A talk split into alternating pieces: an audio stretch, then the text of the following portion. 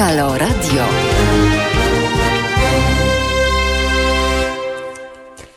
Halo Radio 701. Dzień dobry, witam wszystkim. Cześć i czołem. Jacek Zimnik z tej strony o poranku w Halo Radio. Tradycyjnie oczywiście będziemy rozmawiać o tym, co wydarzyło się w ciągu minionego dnia, jak i również to, co wydarzy się dziś. Witam wszystkich tych, którzy przyłączą się do nas, a to za pośrednictwem narzędzi takie, jakie mamy, no nie tych ogrodowych, ani mm, mamy takie narzędzia do komunikacji. Mowa oczywiście o YouTubie, o Facebooku i o aplikacji, dzięki której możecie nas słyszeć codziennie. Codziennie i to coraz dłużej, bo wczoraj premierowe mm, spotkanie z profesor Płatek mm, o godzinie 23.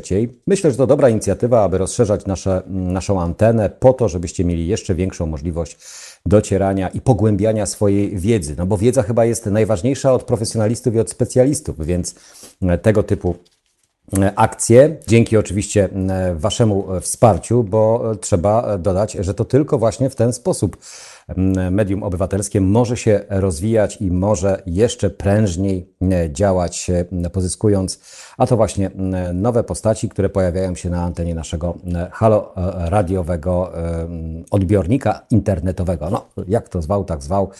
E, widzę, że, nowo, że nowe słowa mi się pojawiają dzisiaj gdzieś o poranku, więc e, polecam przede wszystkim pierwsze to e, zrobić sobie poranną, gorącą, ciepłą kawę. Ja dziś z domu, mm, ale w domu też jest fajnie i przyjemnie, więc można z Wami się kontaktować. Witam, witam Wojtka, cześć Wojtku, witam Jole i Jogiewicz, ci, którzy są na YouTubie. Zobaczymy, któż się pojawił u nas na haloradiowej, mm, e, socialowej mm, antenie mm, na Facebooku, ale to już e, lada moment, za chwilę zerknę.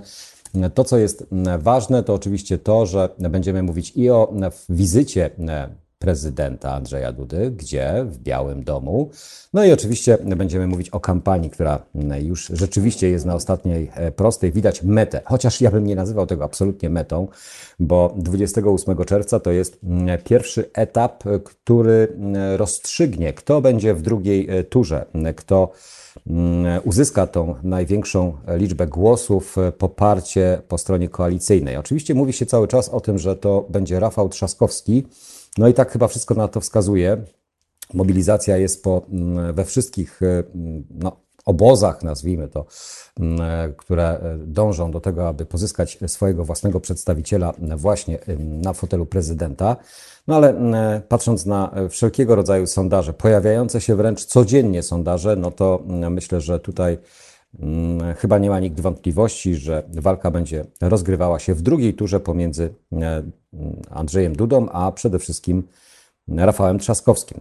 Zaskoczeniem może być na pewno osoba trzecia, czy to będzie Szymon Hołownia, czy może niedoszacowany Kosiniak-Kamysz co do Roberta Biedronia i co do pana Bosaka.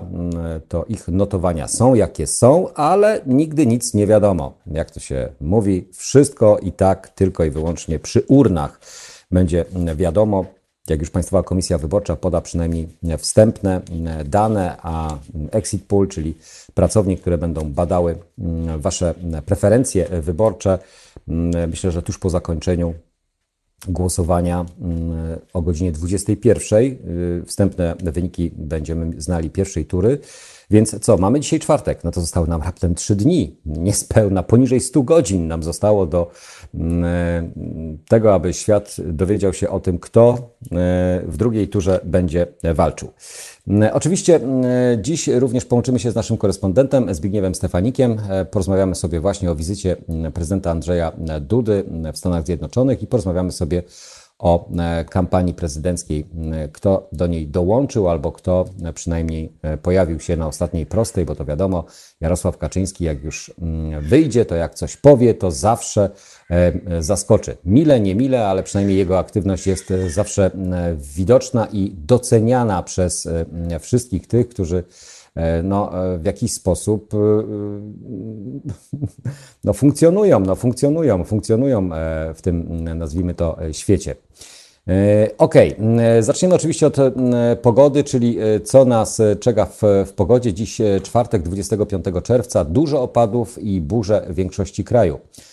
Instytut Meteorologii i Gospodarki Wodnej wydał ostrzeżenie pierwszego stopnia przed burzami z gradem. Obowiązują one w niemal całej Polsce. Wczoraj również przynajmniej na Mazowszu padało, w pozostałych częściach kraju również, więc z tym deszczem, jak go nie było, to go nie było. Jak jest, to jest go aż w nadmiarze. Co zrobić, żeby ten deszcz e, można było wykorzystywać? No niestety, mm, szybko mm, wchłania się do e, głębokości jednego metra, ale później nie pozostaje. No i mm, takie duże opady to nie jest powód do radości, że ach, to przynajmniej zaspokoi to wszelkie potrzeby. Wcale tak nie jest do końca. W czwartek w większości krajów spodziewane są całkiem spore e, rozpogodzenia. Dopiero po południu zacznie pojawiać się więcej chmur, a wraz z nim opady deszczu oraz burze. Najniższa temperatura 24 stopnie zapowiadana jest dziś dla Gdańska i Łodzi. 1 stopień więcej prognozowany jest w województwach świętokrzyskim, lubelskim i podkarpackim i opolskim 26 stopni pokażą termometry w Białymstoku, Warszawie, Krakowie, Katowicach, Wrocławiu i Poznaniu. Najcieplejszy dzień czeka mieszkańców województwa warmińsko-mazurskiego, kujawsko-pomorskiego, lubuskiego i zachodniopomorskiego. Tam będzie maksymalnie 27 stopni. Dużo słońca i rozpogodzeń czeka dziś mieszkańców północnej i centralnej Polski w województwach pomorskim, warmińsko-mazurskim i podlaskim. Nie są dziś prognozowane żadne opady w pozostałych regionach. Lokalnie spodziewany jest przelotny deszcz oraz umiarkowane zachmurzenie. Rano, na południu, a w późniejszych godzinach także na zachodzie i w centrum spodziewane są burze, początkowo wiatr słaby, później umiarkowany. Synoptycy e, Instytutu Meteorologii i Gospodarki Wodnej wydali ostrzeżenie pierwszego stopnia przed burzami z gradem. Obowiązują one w województwach zachodniopomorskim, kujawsko-pomorskim, wielkopolskim, lubuskim, dolnośląskim, opolskim, śląskim, małopolskim, podkarpackim, lubelskim, świętokrzyskim, łódzkim i mazowieckim.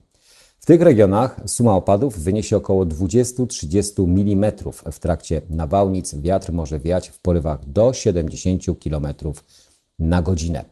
To mm, odnośnie warunków pogodowych, gdy wyjrzymy teraz e, przez okno, e, przynajmniej e, u mnie tutaj mm, na obrzeżach Warszawy, to mogę powiedzieć, że pogoda wcale nie jest zła. Pogoda jest ok, można spokojnie planować wczesny spacer, jeżeli takowy mm, gdzieś planujecie, a jeżeli nie, no to zmierzacie zapewne do pracy albo siedzicie w domach i słuchacie Halo Radio. Zakończyło się e, wczoraj e, spotkanie Donalda Trumpa e, z Andrzejem Dudą, konferencją prasową o godzinie 21.30. Rozpoczęła się. Co z niej można wywnioskować? Prezydent Trump podziękował za wizytę prezydenta Dudy i powiedział, że liczy na to, iż w wyborach prezydenckich Andrzej Duda odniesie sukces. No, takie poparcie na ostatniej prostej. Mm,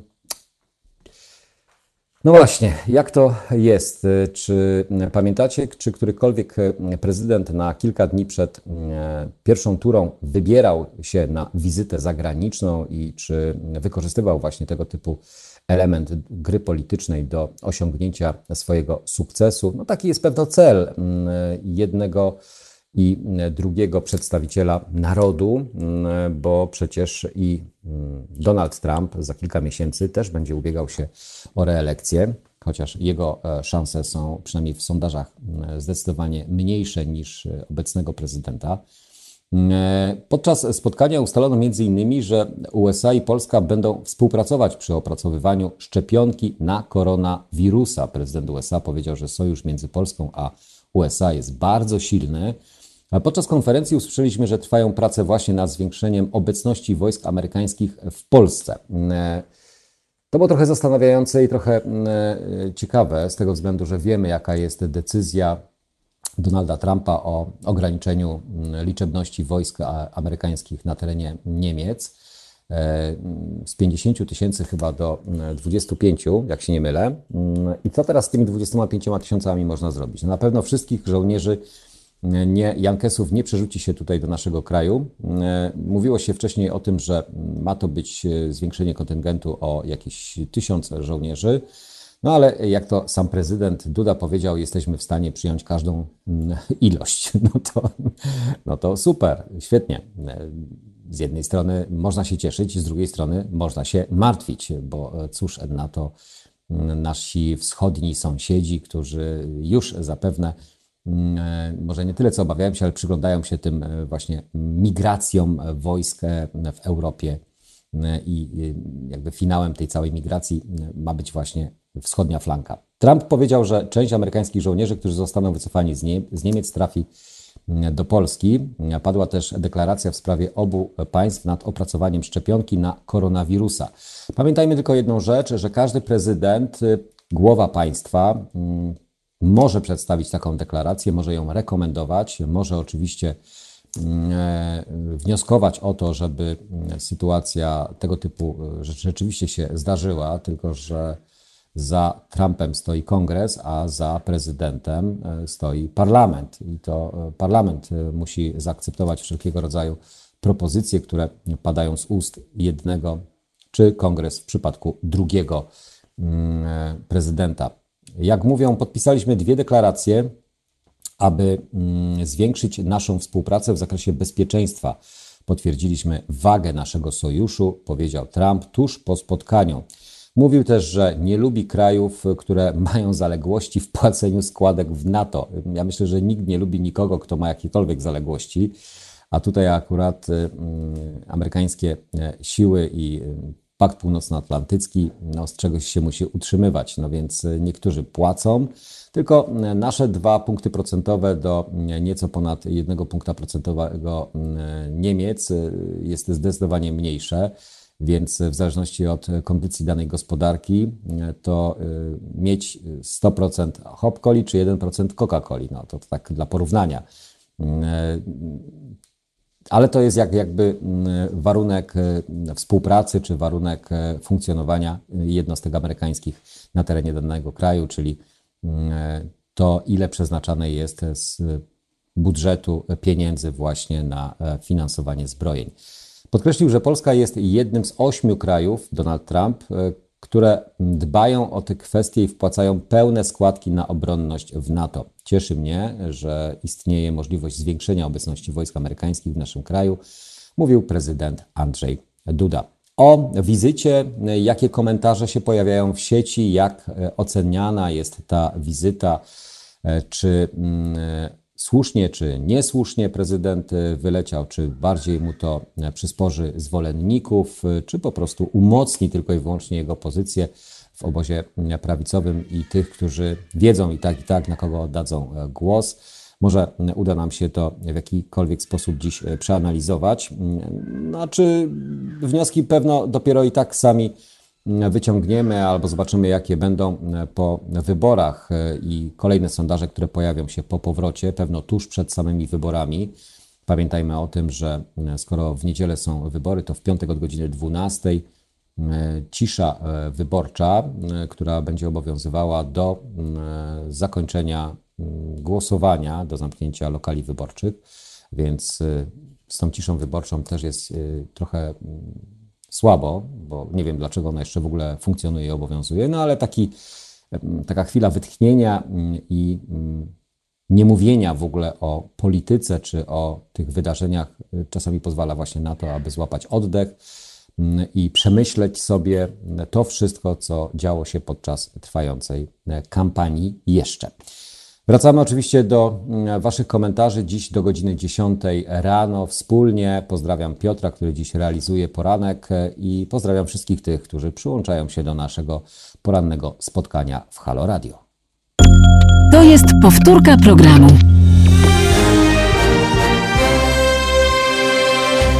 Halo Radio. Gadamy i trochę gramy.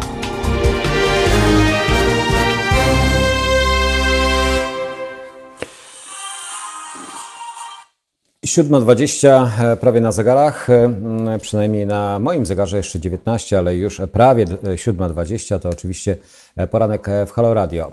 Gdy mnie widzicie, to nade mną, o tak, lampa jest, lampa jest, sufit jest, wszystko jest. No właśnie, z tym sufitem i z tymi innymi rzeczami, szklanym sufitem, to znaczy ile mogą osiągnąć poszczególne sztaby wyborcze w swoich kampaniach.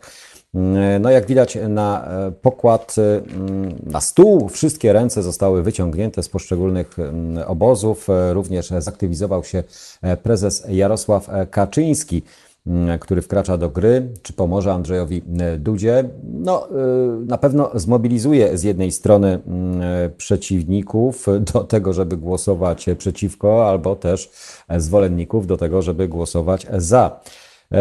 Pod nieobecność prezydenta, który przebywa oczywiście w Stanach Zjednoczonych, do tej wizyty będziemy jeszcze dzisiaj zapewne niejednokrotnie nawiązywać odnośnie tego, co jest jej celem, co udało się, albo czego nie udało się, albo co można było, a czego nie zrobiono podczas tej wizyty. Jeszcze zapewne powrócimy. Wczoraj e, e, prezydent, e, a wczoraj również Jarosław Kaczyński, obóz dobrej zmiany, na którego czele stoi oczywiście Andrzej Duda, to obóz wolności. Pierwsza tura zwyciężymy, zagrzewał do boju młodych działaczy prezes Prawa i Sprawiedliwości w Lublinie. Mobilizacja najmłodszych wyborców, kwestie ekologiczne, ochrona zwierząt, równość płac kobiet i mężczyzn. Między innymi o tym mówili młodzi działacze PiS oraz sam Jarosław Kaczyński podczas konwencji w Lublinie. Czy prezes jest w stanie przekonać młodych ludzi do głosowania na Andrzeja Dudę? Oczywiście, że tak. Czytamy na łamach dzisiejszego Super Expressu.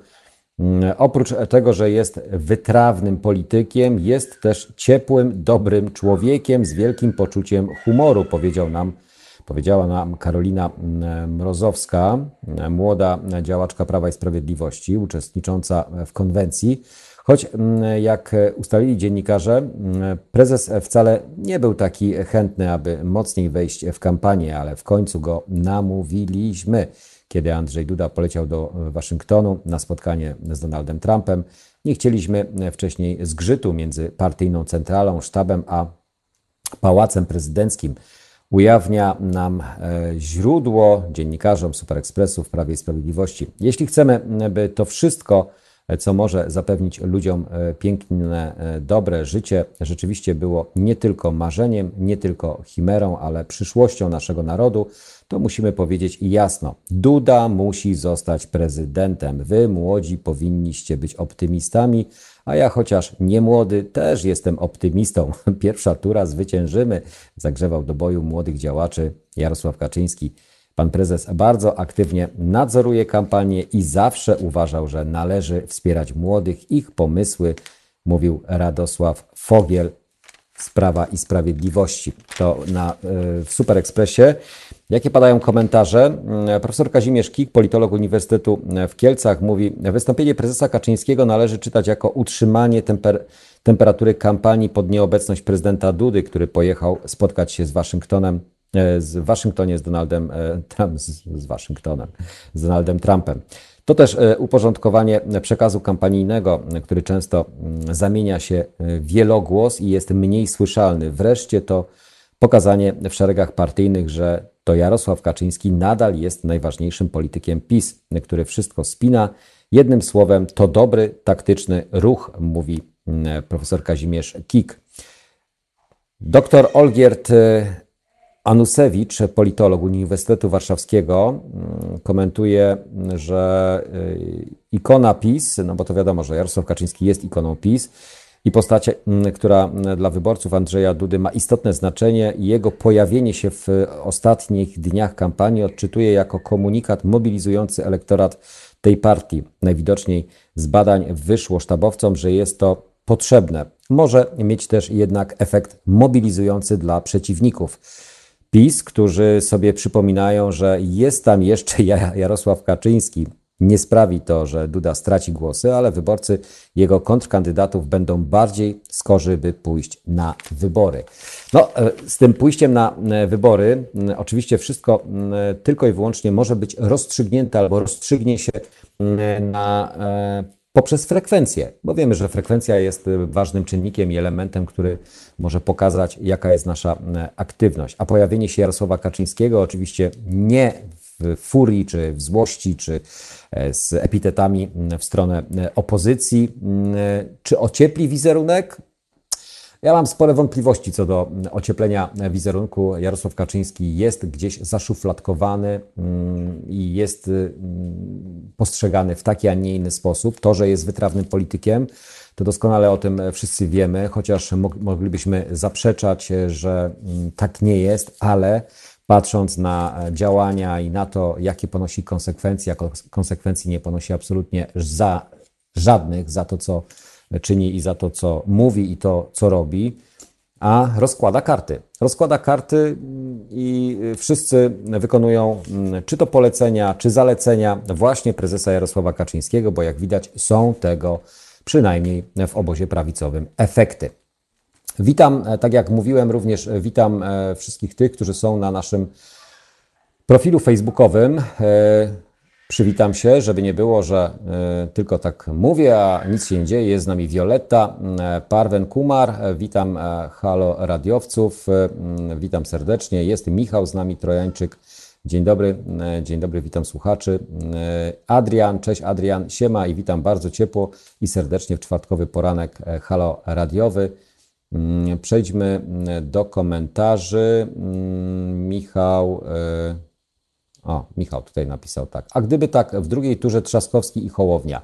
No szczerze powiedziawszy, padały takie propozycje, co by się stało, gdyby nagle prezydentowi spadły tak notowania albo był przeszacowany, gdzie okazałoby się, że mamy w, drugiej, w pierwszej turze mamy dwóch liderów. No powiem szczerze, byłoby to mm, trzęsienie ziemi na scenie politycznej, mm, ale myślę, że absolutnie e, do tego chyba nie dojdzie, no bo jednak obóz prawicowy jest Mm, umocniony jest żelazny i tutaj akurat y, chyba nikt nie ma wątpliwości, że obecny prezydent znajdzie się w drugiej turze. Ale gdyby, gdyby tak się stało, to byśmy wtedy nad tym się głęboko zastanawiali. Mm, Michał, pozdrawiam ze Starogardu Gdańskiego, tak jak w Trzewie, super słońce.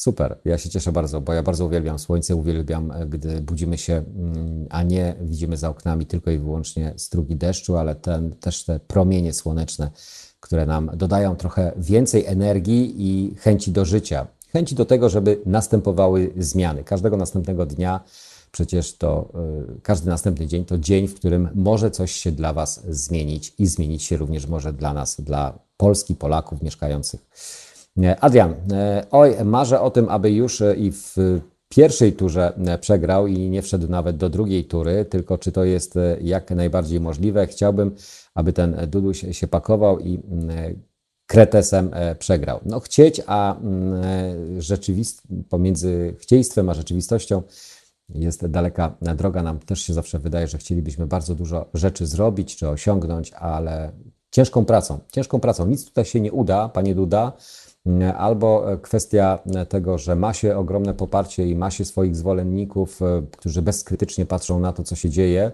nie widząc mm, potknięć, nie widząc błędów, nie widząc e, tych rzeczy, które są wytykane nie tylko przez przedstawicieli opozycji, ale również wytykane są przez e, środowiska międzynarodowe jak widać, zostało to całkowicie przysłonięte, przysłonięte propozycjami, ofertami dla zwykłego pana Kowalskiego, pana Nowaka, nie obrażając absolutnie nikogo z nazwiska, propozycjami, które mają zaspokoić e, pierwsze potrzeby, ale nie te potrzeby wieloletnie czy długoletnie. No chyba, że myślicie o tym, że będziecie korzystać z portu lotniczego albo ewentualnie z Mierzei Wiślanej, no to wtedy rzeczywiście trzeba E, trochę poczekać na efekt końcowy tego, e, co się wydarzy. Mm, co do e, jeszcze komentarzy, które pojawiają się na Facebooku, Michał napisał, trzeba byłoby mm, zrobić remament w pałacu, sprawdzić, czy gęsiereczki na swoich miejscach, mowa o, obra obrazie, wokół którego przecież było tyle zamieszania podczas mm, kadencji prezydenta Bronisława Komorowskiego, E, czy cukier w cukiernicach i tak dalej. No koniom, koniowi, koniu to cukier się e, przyda zawsze, no, ale myślę, że remament to mm, remament zrobi się wtedy, kiedy rzeczywiście będzie wymiana lub zamiana lub zmiana mm, w Pałacu Prezydenckim. Na razie to jest walka, bój, ci to ostatni albo na ostatniej prostej, wokół e, którego rozstrzyga się to, kto pozostanie lub kto tam się pojawi. Dotychczasowy lokator może znalazłby fajną robotę, e, na przykład u Pinokia na działce, e, budować by mógł e, nowe forty, bo po co jeden? No. Jak widać, Ford może rzeczywiście się pojawić, tylko pamiętajcie o tym, że Ford Trumpa, Ford Trump to będzie Ford, który będzie Mm, budowany za nasze pieniądze, a nie za pieniądze amerykańskich podatników. Mm, Violetta odpisuje e, Adrianowi, e, dokładnie również w tym, o tym marzę, aby w końcu dopadła sprawiedliwość i przestali się łudzić, że mogą wszystko. Nie chce ich zbawienia świata, napisała Violetta. Pozdrawiam cię serdecznie, Wiolu. Jeszcze komentarz. Tak jak byłbym cholernie i potwornie przeszczęśliwy i upiłbym z radości się w końcu, gdyby na czele kraju stali ludzie stojący po stronie demokracji i społeczeństwa, a także myślący o przyszłości, dobrobycie, akceptacji, życzliwości wobec innego człowieka. Z tą demokracją, z życzliwością wobec innego człowieka. Dzisiaj również znalazłem artykuł, jak to jest z tą demokracją w gazecie wyborczej. Do tego mógłbym teraz w tym momencie spokojnie właśnie nawiązać. Polak, Węgier, dwaj demokraci. Ale o tym może już za chwilę okaże się, że okazuje się, że Polacy i Węgrzy na tle obywateli innych krajów Europy Środkowo-Wschodniej częściej opowiadają się właśnie za demokracją niż rządami autorytarnymi. No, u nas też e, przynajmniej słychać takie głosy, że mm, większość, ale z drugiej strony okazuje się, że jednak mniejszość jest za e, tego typu rozwiązaniami. Ale zobaczymy, jak to wygląda e, na płaszczyźnie, na polu innych krajów europejskich. Za chwilę do tego tematu powrócimy. Polak, Węgier dwaj demokraci, jak to jest, czy w rzeczywistości mm, tak to funkcjonuje i czy inne kraje mają podobnie, czy inaczej, to na antenie e, Halo Radio już e, za moment. A teraz na naszej antenie mm, e, Łomak and Łomak, czyli trochę muzyki w Halo Radio. Słuchajcie powtórki programu.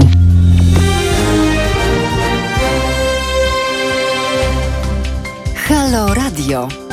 Pierwsze medium obywatelskie.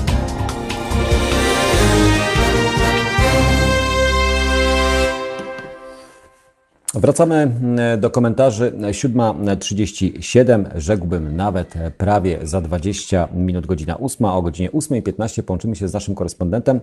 Ale zanim jeszcze nawiążemy do tego, jak opowiadamy się e, za demokracją, e, czy bardziej za demokracją, czy bardziej za rządami autorytarnymi, e, świadomie czy nieświadomie, to taka specjalna analiza przez e, słowackich e, przedstawicieli, którzy przeanalizowali. To jeszcze na chwileczkę powrócę do e, wczorajszej wizyty, co skupiło uwagę przede wszystkim mediów, to sprawa zdjęcia. Zdjęcia, które wywołało, no, nazwijmy to może lawinę komentarzy. Zdjęcie ze spotkania w Białym Domu, nawiązaniem do wpadki z 2018 roku Tutaj e, tym razem e, zamienili się panowie rolami. To mm, wcześniej Duda stał nad Donaldem Trumpem, a teraz Trump na baczność stoi nad Donaldem, e, nad Andrzejem Dudą. Po wizycie Andrzeja Dudy w Białym Domu media społecznościowe obiegło zdjęcie, na którym widać polskiego prezydenta podpisującego deklarację o współpracy ze Stanami Zjednoczonymi. Obok niego stoi Donald Trump. Komentatorzy dopatrują się właśnie nawiązań do sytuacji sprzed dwóch lat. Wówczas to Andrzej Duda stał przy Donaldzie Trumpie podczas podpisywania deklaracji o partnerstwie strategicznym, co uznano za dyplomatyczną e, wpadkę. Nigdy nie mieliśmy lepszych relacji niż teraz. To zaszczyt, że mogę panu, pana tu gościć, mówił prezydent Donald Trump, no, witając Andrzeja Dudę w Białym Domu. Obaj prezydenci spotkali się oczywiście, by omawiać szczegóły współpracy militarnej, gospodarczej i energetycznej podczas spotkania padła deklaracja, że jest możliwość zwiększenia. Dodajmy albo zwróćmy uwagę na e, te zwroty, które padały. Być może, prawdopodobnie, no, samych e, konkretów wiele nie padło, bo też nie mogło wiele paść konkretów. Mimo to, że każdy doszukuje się w tym, że powinny paść konkrety, ale konkrety przecież, tak jak mówiłem wcześniej, muszą być z jednej strony przez kongres zaakceptowane, a u nas z drugiej strony może zdecydowanie wygląda to łatwiej, bo prezydent e, Andrzej Duda jest, jakby nie, nie, nie patrzeć, wysłannikiem obozu rządzącego. E, po wizycie, po, po wizycie mm, kancelaria prezydenta opublikowała zdjęcie z jej przebiegu. Na jednej właśnie z fotografii widać Andrzeja Dudę, który podpisuje deklarację o współpracy z USA. Obok, obok niemal na baczność stoi Donald Trump. Zdjęcie jest porównywane do fotografii zrobionej w 2018 roku, gdy Duda i Trump podpisywali deklarację o partnerstwie strategicznym. Było na nim widać, jak prezydent USA wygodnie siedzi za biurkiem, podczas gdy Andrzej Duda stoi w rogu i podpisuje deklarację z doskoku na stojąco. No, Zdjęcie było rzeczywiście słabe, komentarzy też nie brakowało. Niektórzy wskazali, że zdjęcie sprzed dwóch lat to wpadka polskiej dyplomacji, inni, że to dyplomacja amerykańska nie okazała Dudzie szacunku. Za takie poniżenie prezydenta ktoś w polskim MSZ powinien stracić pracę, pisał wówczas były szef Ministerstwa Obrony Narodowej Tomasz Siemoniak.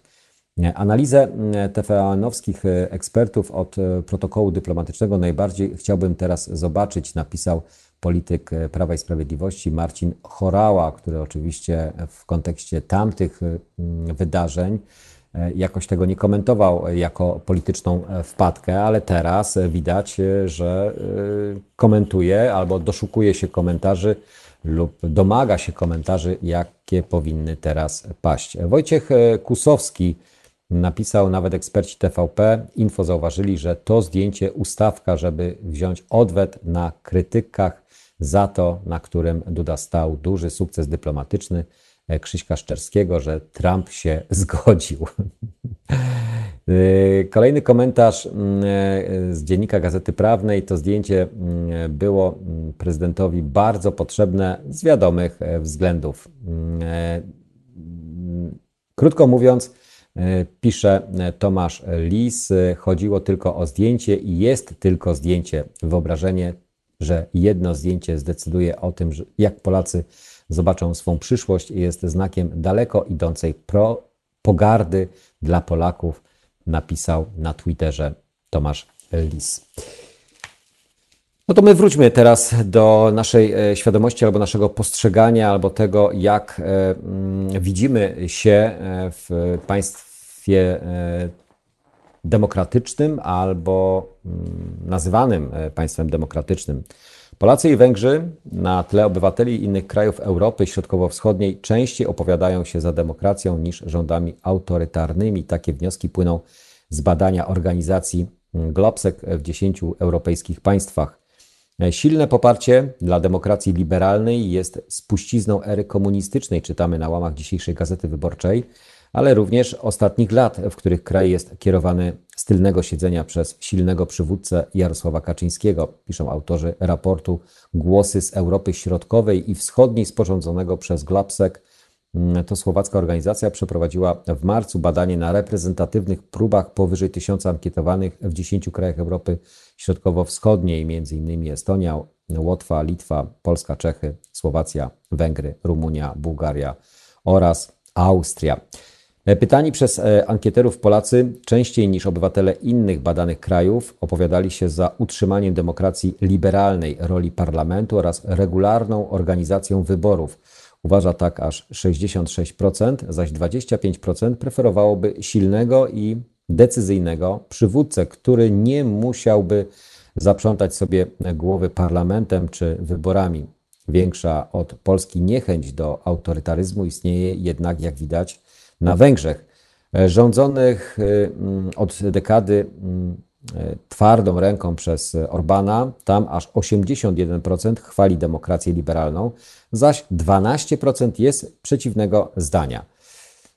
Już taka szybka, krótka analiza może świadczyć o tym, że my, albo przynajmniej część naszego społeczeństwa, części naszej, naszego społeczeństwa podoba się twarda ręka i wszystko w jednych, w jednej ręce albo w jednych rękach byłoby dla co niektórych, a jest to przecież 26%, prawie 1 trzecia, prawie 1 trzecia obywateli wolałoby właśnie taką monowładzę. Monowładzę, no, no może monarchię byśmy w takim razie zaproponowali, jeśli już nie demokracja i nie autorytaryzm, to monarchia. Król jest tylko przecież jeden, bez królowej. Większa od Polski niechęć właśnie jest wspomniana wcześniej na Węgrzech. Jednocześnie jednak aż 47% Polaków zadowolonych jest ze swojej demokracji.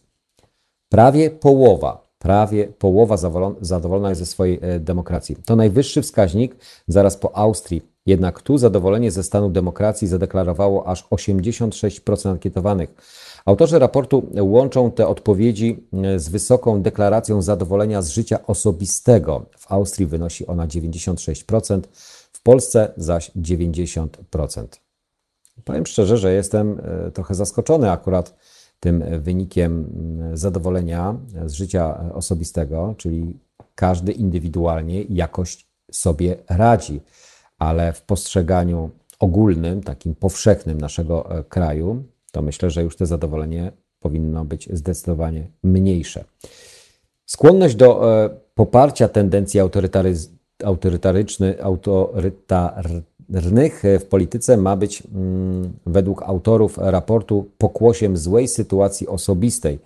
Rządy silnej ręki najczęściej preferują e, Bułgarzy, aż 48% z nich wybrałoby takiego przywódcę, zaś 35% wierzy w rolę parlamentu i regularne wybory. Jednocześnie tylko 18% bułgarskich ankietowanych zadeklarowało zadowolenie w swoim życiu. Bardzo mało. Polacy najbardziej mm, odpowiadali, mm, że nie ma dla nich żadnego znaczenia, kto znajduje się u władzy. Stwierdziło tak tylko 31% badanych. Dopiero w, na drugim miejscu plasowali się Austriacy 43%, na trzecim Estończycy. Najbardziej apatyczni okazali się Bułgarzy e, w to, że nie ma absolutnie żadnego znaczenia, kto będzie rządził w Bułgarii. Wierzy tam aż 59% badanych. Polacy również e, mm, rzadziej sądzą, że w ich kraju pewne grupy społeczne są faworyzowane. W badaniu to Słowacy najczęściej wskazywali, że nie wszyscy w ich kraju są traktowani jednakowo, wskazało tam aż 86%. E, podobny wskaźnik jest również w Czechach i Bułgarii, tam mm, około 84%. W Polsce stwierdziło zaś tak 68%. W teorie spiskowe e, w poszczególnych krajach wierzy 34% Polaków, co plasuje Polskę mniej więcej w środku zestawienia. No to chyba nie jest e, najgorszy wynik. Najmniej podatni na na nie są Litwini. E, w takie teorie spiskowe o tym, kto rządzi światem albo kto odpowiedzialny jest za wszystkie e, sytuacje konkretnie po nazwiskach e, czy grupach, tam wierzy tylko i wyłącznie 17%. To mowa o, Lit o Litwie, o Litwinach, a najbardziej, czyli najbardziej skłonni na tego typu teorie są Słowacy, 56%. A jak to badano? Ankieterzy e, zadali badanym w Polsce konkretne pytania. W każdym kraju oczywiście inne, dotyczące m.in. tego, czy wierzą w to, że iż w 1989 roku podczas rozmów Okrągłego Stołu doszło do tajnego porozumienia między komunistami a opozycją, dzięki czemu ci pierwsi wciąż są u władzy. W teorię tę wierzy 48% badanych. Mniej zwolenników, 22%, ma mm, historia o tym, że Donald Tusk wraz z Rosjanami polecił e, e, pod Smoleńskiem zestrzelił e, samolot z prezydentem Lechem Kaczyńskim na pokładzie. No, takie teorie przecież też się cały czas pojawiały i te teorie miały swoich zwolenników. I tutaj, jak e, widać, e, tylko 22% ankietowanych jest skłonna temu uwierzyć. Polacy na tle innych narodów okazują się również najbardziej ufni wobec Zachodu. Tylko 23% badanych w Polsce uznaje Zachód za zagrożenie dla ich kultury i tożsamości. No to powiem szczerze, że cała polityka mm, albo narracja obecnego obozu rządzącego, pokazująca to, jaki ten e, Zachód nie jest fajny, nie jest taki kolorowy i tylko i wyłącznie nas chce wykorzystywać, wcale aż tak nie przekłada się na wyniki sondażowe. 17% powiedziało tak o Unii Europejskiej, a ledwie 12% o Stanach Zjednoczonych. Czyli udało się przekonać, ale naprawdę niewielką grupę do niechęci wobec krajów zachodnich. Autorzy raportu piszą również, że mm, taki wysoki odsetek należy łączyć z historią kraju, okolicznościami powstania państwa słowackiego oraz obecnością partii nacjonalistycznych. A to mówimy oczywiście o tym, jak e, postrzegają kraje zachodnie Słowacy, bo Słowacy, Zachód jako zagrożenie tam ponad 50% ankietowanych uważa, a Unię Europejską 35%, mm, więc to jest kwestia jakby tych korzeni historycznych związanych e, z tym, jakie są relacje. No po wizycie prezydenta Andrzeja Dudy w Stanach Zjednoczonych i generalnie po tym, że w końcu możemy latać bez wiz po tylu, tylu, tylu latach, e, to e, znaczy generalnie no jakby ja nie wierzę w te e, złe mm, opinie na temat e, tego zgniłego Zachodu, bo kojarzy mi się to cały czas e, z tą narracją PRL-owską e, o tym, jak to stonkami nas zarzucano, czy jakie produkty zachodnie są szkodliwe tylko i wyłącznie dla nas. Więc okej, dobrze, to tak wynika właśnie z tego sondażu. Duża mniejsza e, e, część Polaków postrzega społeczność LGBT za zagrożenie, bo to, co ostatnio w ubiegłym tygodniu było tematem przewodnim, to były tematy związane ze środowiskami LGBT i z zagrożeniem. Jak to wygląda według e, tej analizy? Mm, O tym, że mniejszości seksualne mogą zagrozić polskiej kulturze i tożsamości, jest przekonanych tylko 25% badanych. Mniej odnotowano na Łotwie 23, w Rumunii 22, Czechach 12 i Austrii 4%.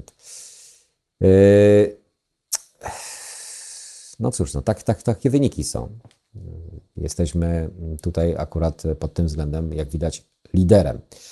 E, Zaskoczenie e, takim wynikiem e, nie kryła Fundacja Odpowiedzialna Polityka, partner Glapsek w badaniu. Fundacja pisze, że wbrew powszechnej opinii polskie społeczeństwo okazuje się znacznie mniej homofobiczne. Sugeruje, że odpowiedzi należy szukać w niskim zaufaniu wobec mediów, na które silny wpływ ma Kościół oraz rząd. W tym samym badaniu tylko 33% Polaków uznało media za wolne, jednocześnie przypisując największą winę za to rządowi, a nie oligarchom i grupom interesu.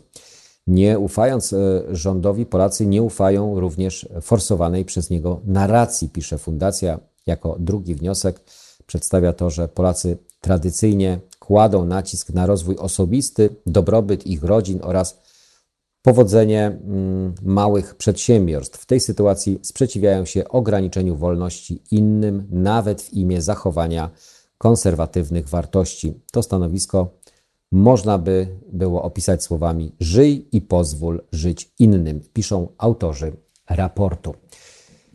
Tak wygląda sytuacja i postrzeganie mm, tej demokracji, co wolimy być krajem demokratycznym czy bardziej autorytarnym. Jak widać, na szczęście y, nie jest tak źle, jak mogłoby się wydawać, y, ale wcale nie jest tak dobrze. Mm, Mogło być zdecydowanie lepiej, przynajmniej w naszej świadomości. Oczywiście wszystko zależy mm, od tego, kogo wybieramy, y, kto mm, narzuca tempo tej politycznej walki albo tych y, poszukiwania tego politycznego wroga. Więc e, wszystko zawsze jest w naszych rękach. Następna taka decyzja i następne takie możliwości, będę wielokrotnie to powtarzał, przynajmniej do momentu, do kiedy, do tego momentu, dopóki będę mógł to powtarzać, czyli do ciszy wyborczej, a później podczas e, walki o drugą turę, o to, żeby iść na wybory, iść, oddać głos. Każdy głos na wagę złota. Halo Radio. mm, e, Tuż przed godziną ósmą, jeszcze chwila muzyki, a później wracamy do kolejnych komentarzy. To jest powtórka programu.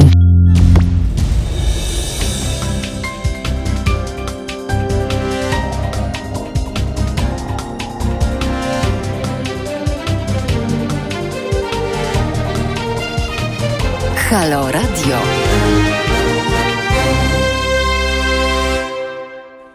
Halo Radio, e, 8.01. E, Przypominam, że mamy dziś czwartek, e, 25 czerwca. E, Zostało nam raptem 3 dni e, do mm, podjęcia e, decyzji. 28 czerwca pierwsza tura wyborów e, prezydenckich. E, Frekwencyjny wyścig miast. E, Zachęcają co niektóre e, gazety, organizacje e, samorządowe, e, miasta, przedstawiciele, e, prezydenci, e, tak jak w poprzednich e, wyborach.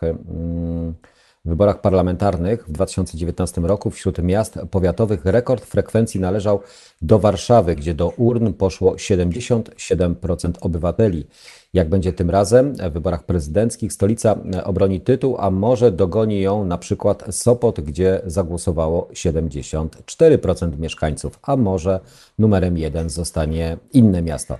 Samorządowcy mocno zachęcają do udziału w wyborach. Nasi mieszkańcy niejednokrotnie pokazali, że gen demokracji mają we krwi, a udział w wyborach to dla nich święto de- demokracji, mówi Wojciech e, Szczurek, prezydent Gdyni, zachęcając mies- mieszkańców do udziału w kampanii. Metropolita mm, głosuje mm, w ostatnich wyborach e, mm, w Gdyni metropolia, nie metropolita, metropolia głosuje. Takie hasło jest. W ostatnich wyborach frekwencja w Gdyni 73%. Takie samorządowe kampanie będziemy mm, na naszych łamach nagłaśniać. Mowa mm, o łamach gazety, mm, a tutaj akurat gazety wyborczej. Dodatkowo e, sami e, przyznamy tytuł wybór, Wyborcza Stolica Polski tego, temu miastu, w którym frekwencja będzie najwyższa. W ramach tej kampanii nie agitujemy, ja bym tego tak nie nazywał. To jest e, forma agitacji. Oczywiście treści, które są przekazywane w poszczególnych tytułach prasowych, bo to wiadomo, kto jaką prasę czyta, takie ma później postrzeganie rzeczywistości.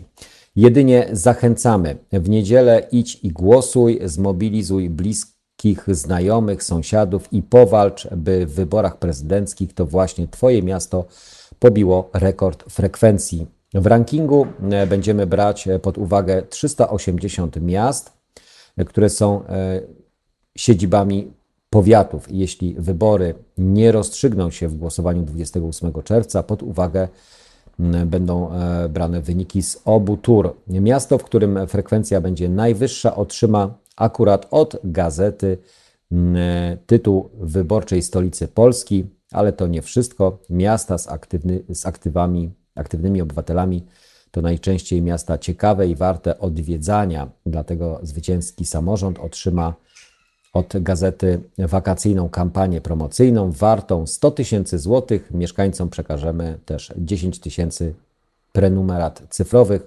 wyborczej. Szczegóły w lokalnych gazetach, w jaki sposób zaktywizować. No, znaczy, tego typu akcje są bardzo fajne. Oczywiście e, to nie jest tak, że nagle przez tego typu akcje zostanie Mm, zmobilizowany, mm, zmobilizowana większa część społeczeństwa, ale jest to bardzo miłe, gdy można później pokazać, że któreś miasta mają większą zdecydowanie aktywność mm, społeczną, tą obywatelską aktywność.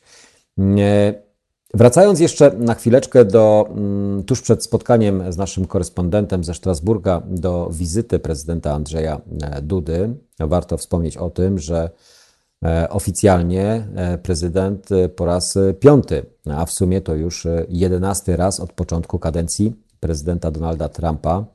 Andrzej Duda spotkał się z amerykańskim przywódcą.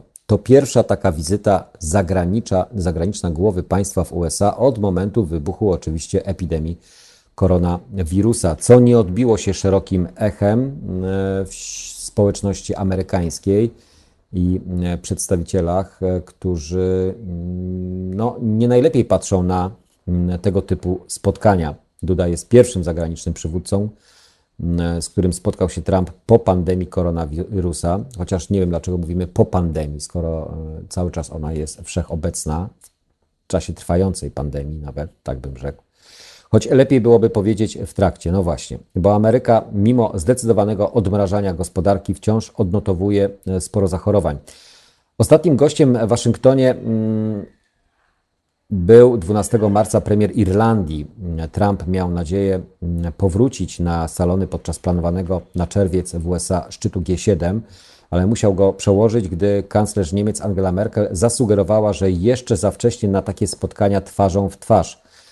Mm, Donald Trump, zapraszając Dudę, zerwał z tradycją nieangażowania się w zagraniczne kampanie wyborcze. Z tego powodu spotkanie skrytykowali politycy Partii Demokratycznej, byli dyplomaci USA, na przykład sekretarz stanu Madeleine Albright, e, szef komisji do spraw mm, do spraw zagranicznych Izby Reprezentantów, mm, Elliot Eagle, mm, korespondent e, Marcy Captur, e, były ambasador USA w Polsce i Daniel. Mm, jest jasne, że zaproszenie prezydenta Andrzeja Dudy do Białego Domu kilka dni przed polskimi wyborami będzie w obydwu krajach wykorzystane w partyjnych celach.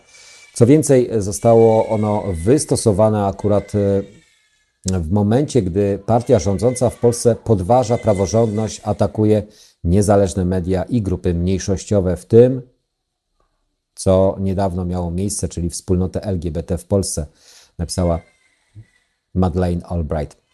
E, Paweł Wroński napisał, e, ze strony Trumpa mm, nie padła żadna konkretna deklaracja o zwiększeniu obecności armii amerykańskiej w Polsce. Skończyło się, jak e, powiedział po spotkaniu Duda, na zapewnieniu o możliwości rozmów o dalszym zwiększeniu sił amerykańskich. Tuż przed spotkaniem Duda powiedział Polskiej Agencji Prasowej, że lansowane przez niego hasło Fort Trump wcale nie oznaczało e, stałej bazy wojskowej w Polsce. Między nami to przyjęło się jako kryptonim pewnej akcji politycznej, czyli zwiększenia obecności amerykańskiej w Polsce i na wschodniej flance NATO. No ja to inaczej odebrałem, szczerze powiedziawszy.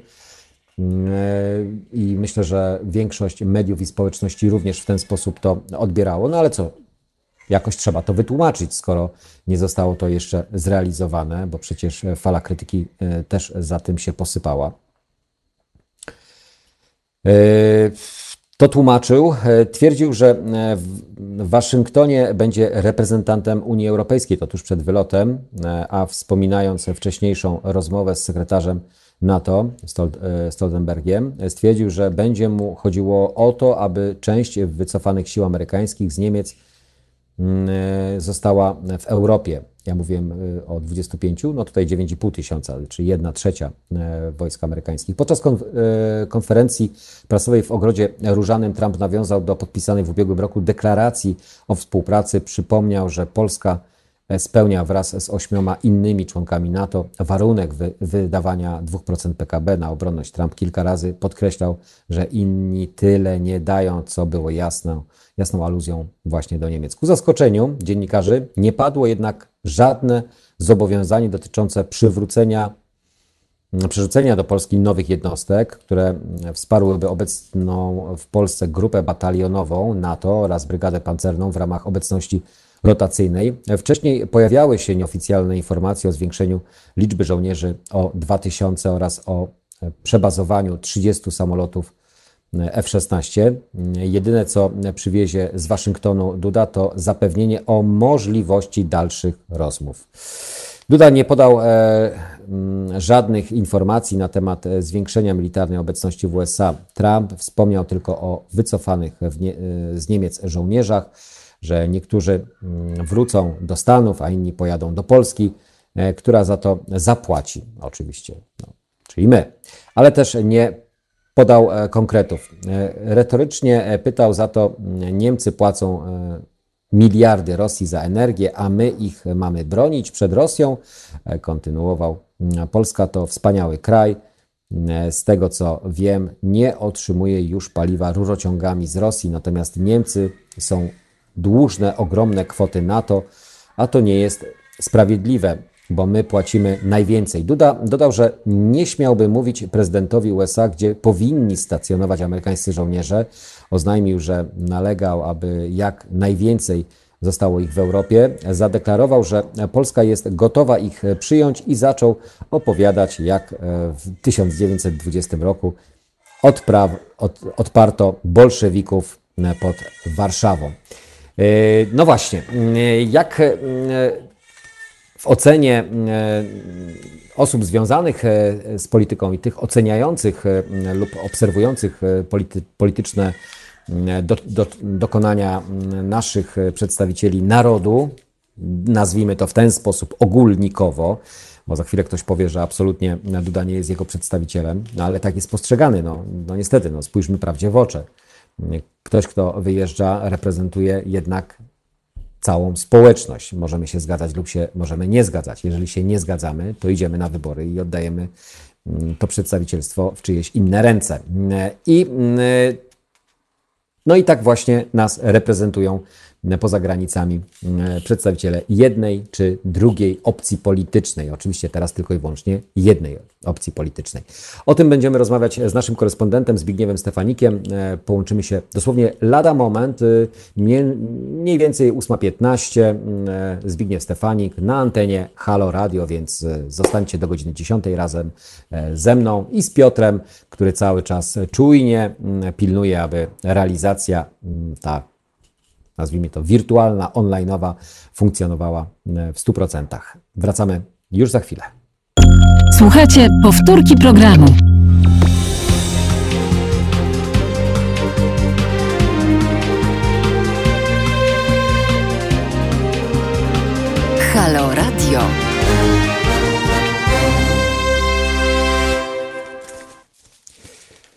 Halo Radio, e, 8.18, rzekłbym prawie 20 minut po godzinie 8, ale jest z nami już nasz korespondent Zbigniew Stefanik. Witam Panie Zbigniewie, dzień dobry e, w ten czwartkowy poranek e, pogodny. Jak pogoda u Pana?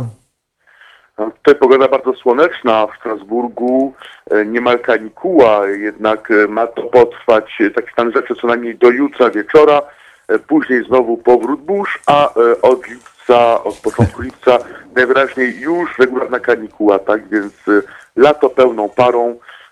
Mamy tylko nadzieję, że e, kanikuła nie potrwa zbyt długo, ponieważ no nie chcielibyśmy, aby em, pandemia została zastąpiona kanikułą.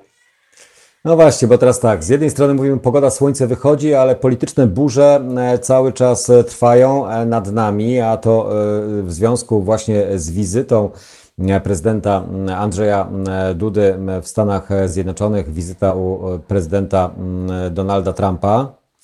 E, I e, myślę, że sytuacja nie jest o tyle zero-jedynkowa, bo taka wizyta to taki, mógłbym określić nawet precedens, że wykorzystywany, mm, wykorzystywana jest do, do celów mm, politycznych po to, żeby uzyskać może większą mm, stabilizację albo y, utwierdzić y, swój elektorat w tym, że obecna prezydentura jest dobra i powinna dalej być kontynuowana. Jak pan ocenia wczorajsze e, spotkanie e, obu prezydentów? E, mm, Co jest, co było celem, oprócz słów może, być może? E, No nic takiego konkretnego raczej nie usłyszeliśmy. Ja bałem się, że słyszeliśmy kilka konkretnych rzeczy i to u mnie e, budzi szczere obawy. To kwestie właśnie gospodarcze, em, ale to być może to za chwilę, ponieważ pan najpierw pytał o kwestie polityczne, o ile się nie mylę. A więc e, faktycznie precedens, ponieważ e, w USA panowała taka zasada, iż nie zaprasza się e, głowy państwa, e, która ma mniej niż pół roku e, do e, wyborów. E, Idea jest taka, czy też była taka, że osoba, którą się zaprasza, czy głowa, którą się zaprasza, musi mieć przynajmniej troszkę czasu, aby wdrożyć ustalenia, które zostają przyjęte e, z reguły, no właśnie na takich spotkaniach. E, Tutaj, e, jak pan wspomniał, bardzo słusznie, kilka dni przed wyborami, no właśnie w Polsce, ale przecież Trump przyzwyczaił nas do tego, że właściwie łamie wszystkie kanony, reguły, konwencje, tak więc nie powinno to dziwić, jednakże faktycznie tutaj Andrzej Duda podjął bardzo ryzykowną grę, w mojej opinii, dla Polski, ponieważ e, faktycznie z jednej strony wdał się w kampanię wyborczą w USA e, i dość wyraźnie utożsamił się z prezydentem Trumpem. Tak więc te relacje e, Duda-Trump tak naprawdę mają charakter partykularny, ponieważ tutaj już nie chodzi o relacje Polska-USA, ale o, le, e, o, relacje, o właśnie relacje właśnie Trump-Duda, czy też obu rządzących w Polsce e, Trump, co e, zmienia postać rzeczy, ponieważ jeśli dojdzie do zmiany w Białym Domu, to tutaj może to bardzo skomplikować sytuację Polski. E, W sytuacji, gdzie zdaje się, iż rządzący e, nad Wisłą nie uczynili niczego, aby spotkać się z przedstawicielami no właśnie e, potencjalnych rządzących za kilka miesięcy w Waszyngtonie. I to bardzo poważny błąd. Ponieważ jeśli raptem miałby się okazać, iż wybory w USA przegra Trump, a jest to możliwe, no to wówczas e, druga strona mogłaby e, no, poczuć się w jakiś sposób dotknięta, a przypomnijmy, że przecież e, demokraci nierzadko protestowali przeciwko zmianom, em, które mają miejsce w Polsce e, na tle prawnym, e, jak i również e, sam Bill Clinton e, tutaj dawał do zrozumienia, gdzie on szczerze zawiedziony Polską, ponieważ e, uczynił on wraz, e, wraz z Madeleine Albright bardzo wiele, aby Polska przystąpiła do NATO jako kraj em, demokratyczny, a tutaj okazuje się, iż Polska no, z tej drogi schodzi. Tak, No wspomniał po- Pan właśnie, panie, panie, panie Zbigniewie, Pan wspomniał właśnie o e, Madeleine Albright, która e, szefowej Komisji do Spraw Zagranicznych, która e, rzeczywiście skrytykowała tego typu spotkanie i no, może mieć to następstwa, albo przynajmniej efekt może być taki, że obecny prezydent Duda nie zyska, a przyszły prezydent Donald Trump też straci. No bo pytanie, ta wizyta dla kogo miała być bardziej korzystna lub kto, ma, kto na niej więcej ugra? Tutaj zdaje się, iż więcej korzyści e, odniesie, czy też odniósł jednak prezydent USA. E, Z jednej strony warto spojrzeć na strategię prezydenta e, USA, który właściwie traktuje wszystkie stosunki międzynarodowe z pozycji biznesu. Dla niego to biznes. i więcej niż mniej spotkał on się z prezydentem Polski, no właśnie, aby zrobić biznes, aby Polsce coś sprzedać. I tutaj to kolejna kwestia, którą chciałem poruszyć, to może później, jeśli pan pozwoli, no właśnie w, w drugiej części, ponieważ jest kilka niepokojących tutaj zapowiedzi, które warto omówić, ale e, dla Trumpa to właśnie biznes, on e, eksportuje do Polski e, technologię nuklearną, eksportuje do Polski uzbrojenie, co więcej, umacnia współpracę Polski i USA zakresie energetyki, czyli de facto bardziej e, uzależnia Polskę od amerykańskich dostaw gazu. To był cel Trumpa, ten cel zdaje się został osiągnięty, czyli to może niepokoić. Wreszcie cel polityczny, otóż Trump e, chciał w jakiś sposób pokazać, że nie tylko pandemia i sytuacja wybuchowa w Stanach, która przecież e, pogarsza się z dnia na dzień, ale właśnie wraca na normalność, czyli stosunki międzynarodowe i w tym sensie em, Polska jest em, bardzo łatwym i dobrym partnerem dla Trumpa, ponieważ em, prezydent Polski jest Trumpowi przychylny. Tak więc em, nie ma się co dziwić, że właściwie pierwszym gościem w Waszyngtonie e, w okresie pandemii, czy też od momentu pandemii, no właśnie był polski prezydent. E, Tą strategię e, Trump realizuje od trzech lat. Pamiętajmy, jak doszło do wizyty w Warszawie, e, którą zorganizowała się bardzo szybko w lipcu 2017 roku. Otóż wówczas e, nie- niepopularny Trump, e, Trump, który wiedział, że będzie bardzo mocno kontestowany w Niemczech, e, w Hamburgu na G20, e, szukał takiego państwa, gdzie byłby dobrze przyjęty, aby no właśnie pokazać te zdjęcia w mediach. No i takim państwem właśnie była Polska i tutaj e, ta wizyta, która była się wtedy, która właściwie nic nie wniosła, wręcz prowadziła em, zakłopotanie prezydenta Polski, jeśli chodzi o konferencję prasową, ponieważ tutaj Trump dał do zrozumienia, że właściwie e, źródła energii, które Amerykanie będą eksportowali, mogą być droższe, ale przecież suwerenność e, nie ma ceny, powiedział prezydent amerykański wówczas na konferencji prasowej z Andrzejem Dudą, ale właśnie e, przyjął on do Polski, ponieważ mógł on w sposób pokazać się jako prezydent lubiany w Europie, prezydent, który właściwie nie był lubiany nigdzie, ale te zdjęcia poszły w świat e, i do Stanów, do amerykańskich mediów. I teraz podobnie mógł on się spotkać e, z prezydentem państwa, które jest mu przychylne, e, co miało pokazać w Stanach, że Trump tak naprawdę jest wielkim mężem stanu, prowadzi politykę. Inaczej zresztą jak jego poprzednicy, o których nazwał śpiochami na konferencji prasowej, e, którzy mieli doprowadzić do sytuacji, która miała miejsce na Ukrainie. Tak więc e, z pewnością na tym zyskał Trump, a Andrzej Duda e, zyskał niewiele, ponieważ w Polsce minął już ten okres zachwytu Stanami Zjednoczonymi. E, Tutaj mamy już inną sytuację. E, Co więcej, zdaje się, że coraz więcej Polaków zdaje sobie sprawy z e, pewnej delikatnej roli, nazwijmy to tak, e, amerykańskich korporacji w Polsce, jak i również zdają sobie oni sprawę z tego, że Amerykanie realizują swój własny interes i to nie jest tak, że Polska jest dla nich jakimś szczególnym niezesiem uwagi, tylko po prostu klientem. Tak więc ta wizyta może stać się dużą kulą u nogi w mojej opinii, zwłaszcza przed drugą turą, ponieważ jest kilka kwestii, które są dość kontrowersyjne i o które warto byłoby zapytać Andrzeja Dudę, jak i również e, obóz rządzący. Być może zrobi to mm, opozycja. Tak więc bardziej kula u nogi e, dla Andrzeja Dudy e, niż atut, ponieważ trudno wyobrazić sobie, aby ta wizyta wpłynęła jakoś na wynik wyborczy. Przecież wszyscy prezydenci Polski od Lecha Wałęsy po Andrzeja Dudy jeździli do USA i tutaj wszystkie polskie rządy, począwszy na rządzie Tadeusza Mazowieckiego, skończywszy na rządzie Morawieckiego, prowadzili przecież e, przychylne stosunki, też mieli przy, przychylne podejście do USA. Tak więc tutaj no, trudno dostrzec, na czym ma polegać ta różnica rządów PiSu w tej materii przynajmniej wizerunkowej, jak i również trudno tutaj e, znaleźć te wszystkie profity i beneficyty, które mają płynąć e, z tych stosunków polsko-amerykańskich dla Polski.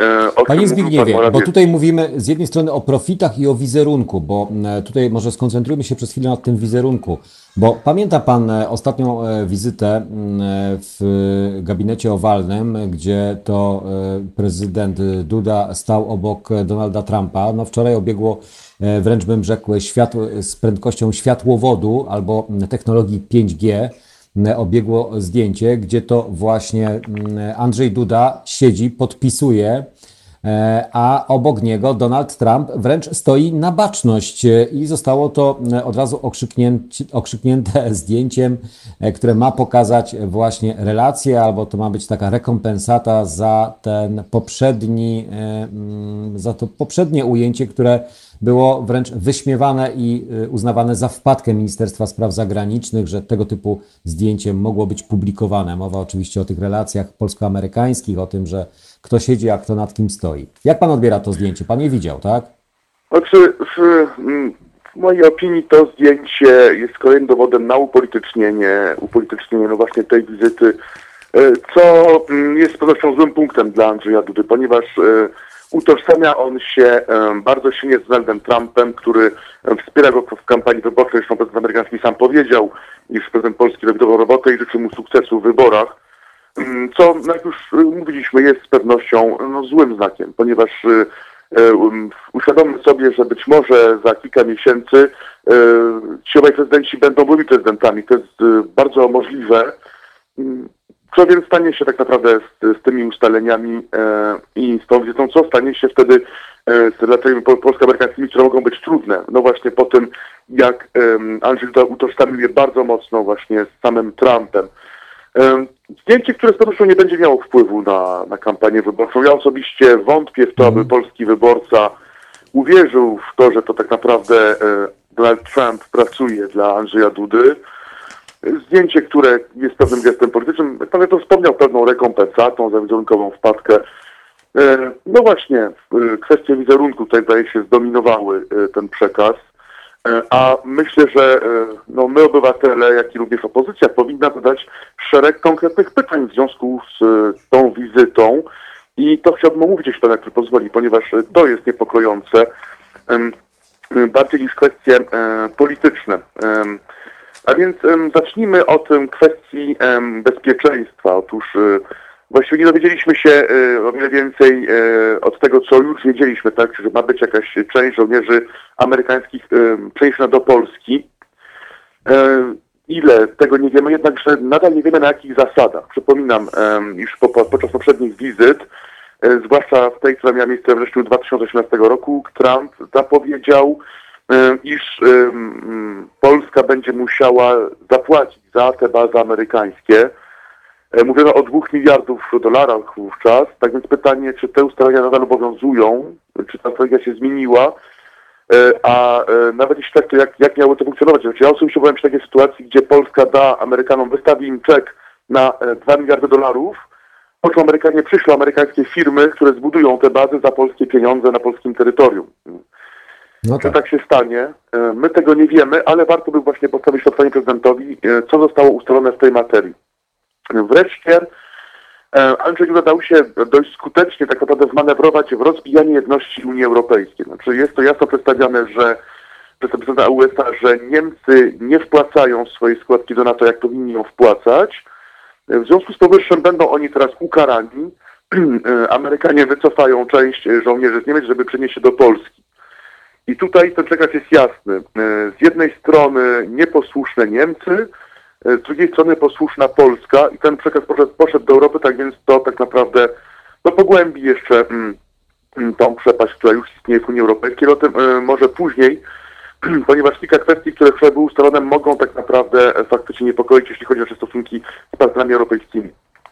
Tak więc, e, jak już wspomniałem, kwestia obecności żołnierzy amerykańskich, e, na jakich zasadach, ile, jak ma to wyglądać, my tego nie wiemy, nie mamy o tym żadnego pojęcia, e, warto o to zapytać. E, Następnie kwestia uzbrojenia. Otóż ja przypominam, e, iż polska armia nadal nie ma przecież helikopterów zadaniowych, a, a przecież e, Karakal, którego nie ma, e, miał być zastąpiony już 3 lata temu helikopterami Black Hawk, się nie mylę, i dalej nie ma w Polsce. Tak więc pytanie, kiedy one będą, e, czy przylecą z USA, czy skądś indziej. Natomiast my tego nie wiemy. Natomiast dowiedzieliśmy się, że Polska faktycznie ma zamiar kupić e, F-35, 32 sztuki, jak się nie mylę. E, Pytanie, czy za tą decyzją stoją jakieś konkretne obliczenia strategiczne decyzje, czy no właśnie decyzje polityczne, e, co może niepokoić, ponieważ no, jako osoba, która zna się troszkę na militariach wojskowości, zastanawiam się, po co Polsce taki samolot, gdzie generalnie zadanie polskich sił lotniczych powinno polegać na tym, aby chronić swoje niebo i sojuszników, ponieważ Polska również wykonuje różne misje związane z ochroną nieba e, Republik Bałtyckich, a to samolot, który właściwie głównie służy do e, tropienia, wykrywania e, grup terrorystycznych, no właśnie jest używany e, no, między innymi w Sahelu, czy też e, na Bliskim Wschodzie. No tak więc w mojej opinii, oczywiście, pan redaktor powie, państwo powiecie, no nie jesteś, nie jesteś człowieku wojskowym, jednak no, w mojej opinii, jako osoby, która ma jakieś pojęcie o tych kwestiach, to nie widzę uzasadnienia dla Polski, aby taki samolot kupować. Zdaje się być to decyzją polityczną i koniecznie racjonalną i warto o tym też porozmawiać. Więc zapytać prezydenta, e, czy my kupujemy e, samolot, no, który tak naprawdę się nam przyda. Znaczy to jest tak jakbyś na przykład pan redaktor mieszkał w dużym mieście, e, gdzie wiadomo, jest mało miejsca i potrzebuje pan mniejszy samolot, aby zaparkować, a raptem by kupił sobie pan wielkiego, wielkiego pick-upa, prawda, który panu nie jest potrzebny i jest dla pana utrudnieniem. Ale Więc warto o gdybym miał jakieś rozmawiać. zobowiązanie, które musiałbym e, wykonać wobec kogoś, bo do tego chyba zmierzamy, lub pozyskać jakąś przychylność, to może tego pick-upa bym e, musiał kupić i może byłbym właśnie. zmuszony. No właśnie, no i właśnie o tym trzeba rozmawiać, ponieważ no, w mojej opinii jest to decyzja co najmniej kuriozalna, e, gdzie kupuje się samolot, który no, niekoniecznie musi tak naprawdę być w polskiej armii wręcz przydatny w, w takich misjach, jakie ona musi prowadzić. Tak więc warto o tym rozmawiać. E, Wreszcie kwestie e, związane z energetyką i tutaj e, jest tak naprawdę jeden z największych moich niepokojów. Tutaj zdaje się, usłyszeliśmy deklarację, iż amerykański prezydent ma zamiar eksportować do Polski technologię nuklearną o cywilnym zastosowaniu, przy czym zdaje się, iż te rozmowy już są bardzo zaawansowane. Jednak ja chciałem zauważyć, iż jednocześnie mieliśmy przecież w Polsce wizytę Emmanuela Macrona w styczniu tego roku, który przecież również zamierzał eksportować do Polski e, technologię e, francuską. E, Co więcej, na poziomie europejskim są różne projekty, które no, będą tworzone, no właśnie w zakresie współpracy energetycznej.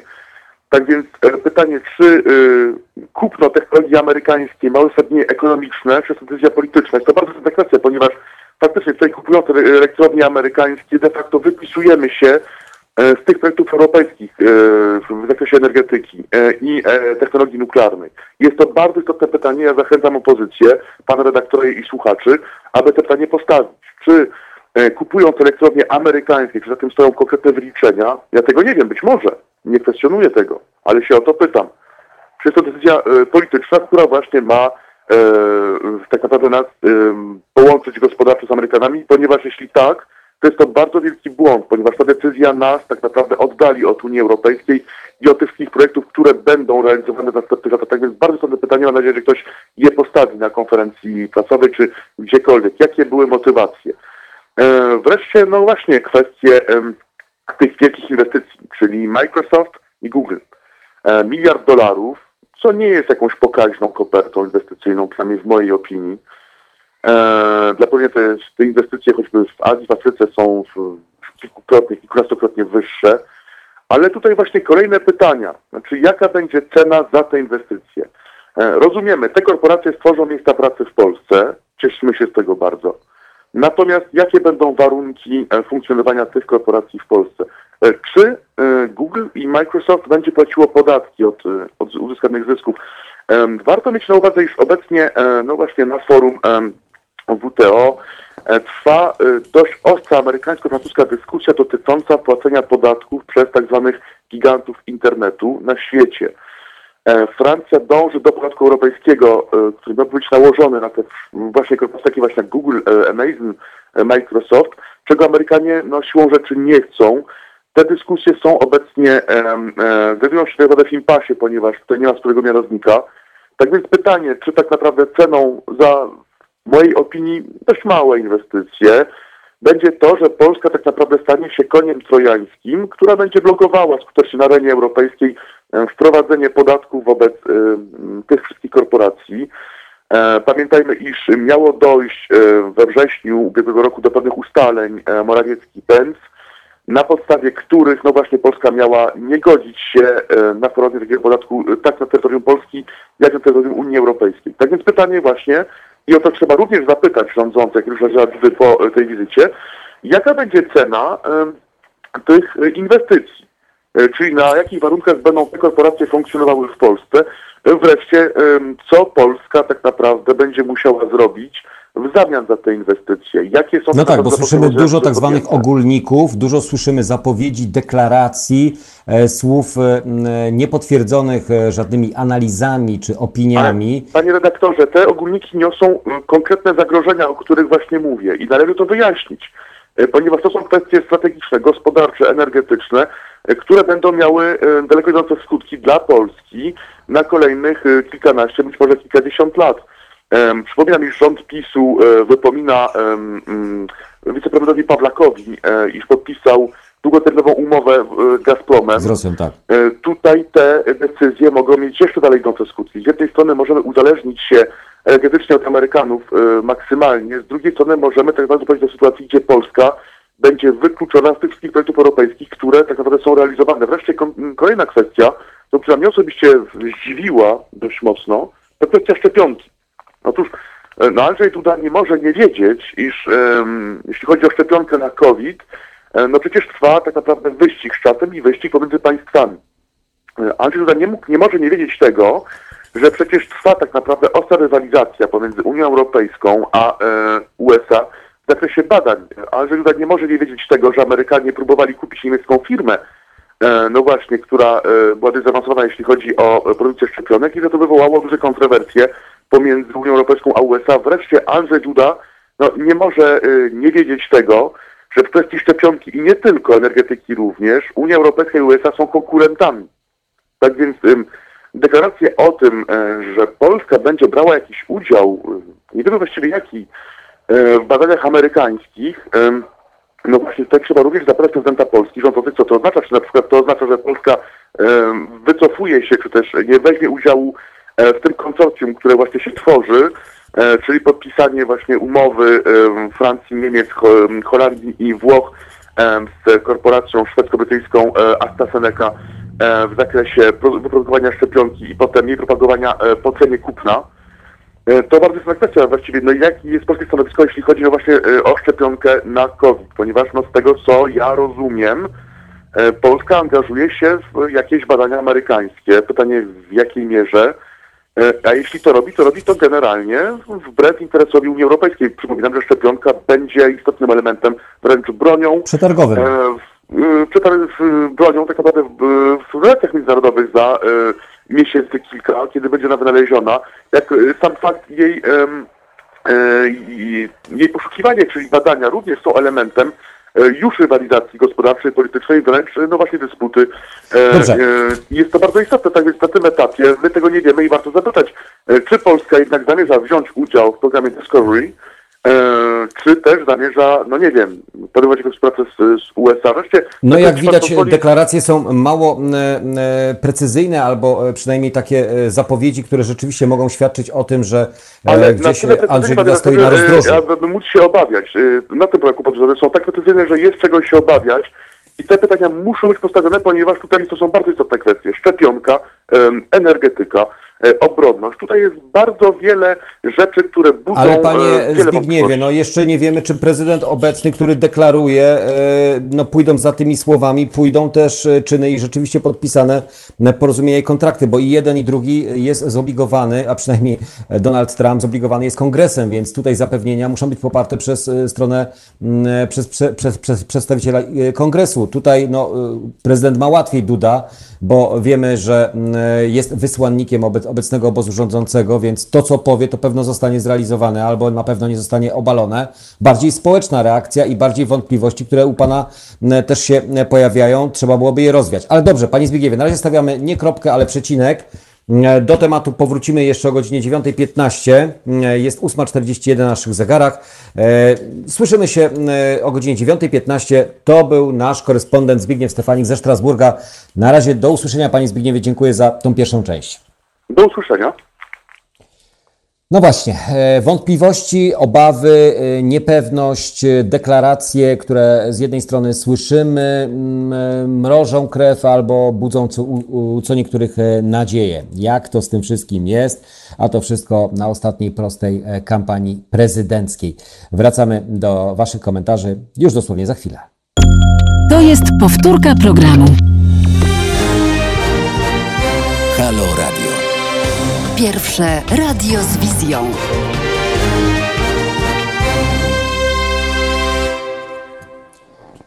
Pierwsze radio z wizją. E, chwila przerwy oczywiście dla tych, którzy nas nie słuchają za pomocą aplikacji, bo e, ci, którzy słuchają nas za pomocą aplikacji, wszystkie informacje znajdziecie oczywiście na naszej e, stronie internetowej, e, w jaki sposób nas e, słuchać, w jaki sposób nas e, wspierać, e, e, w co się mocno angażujemy.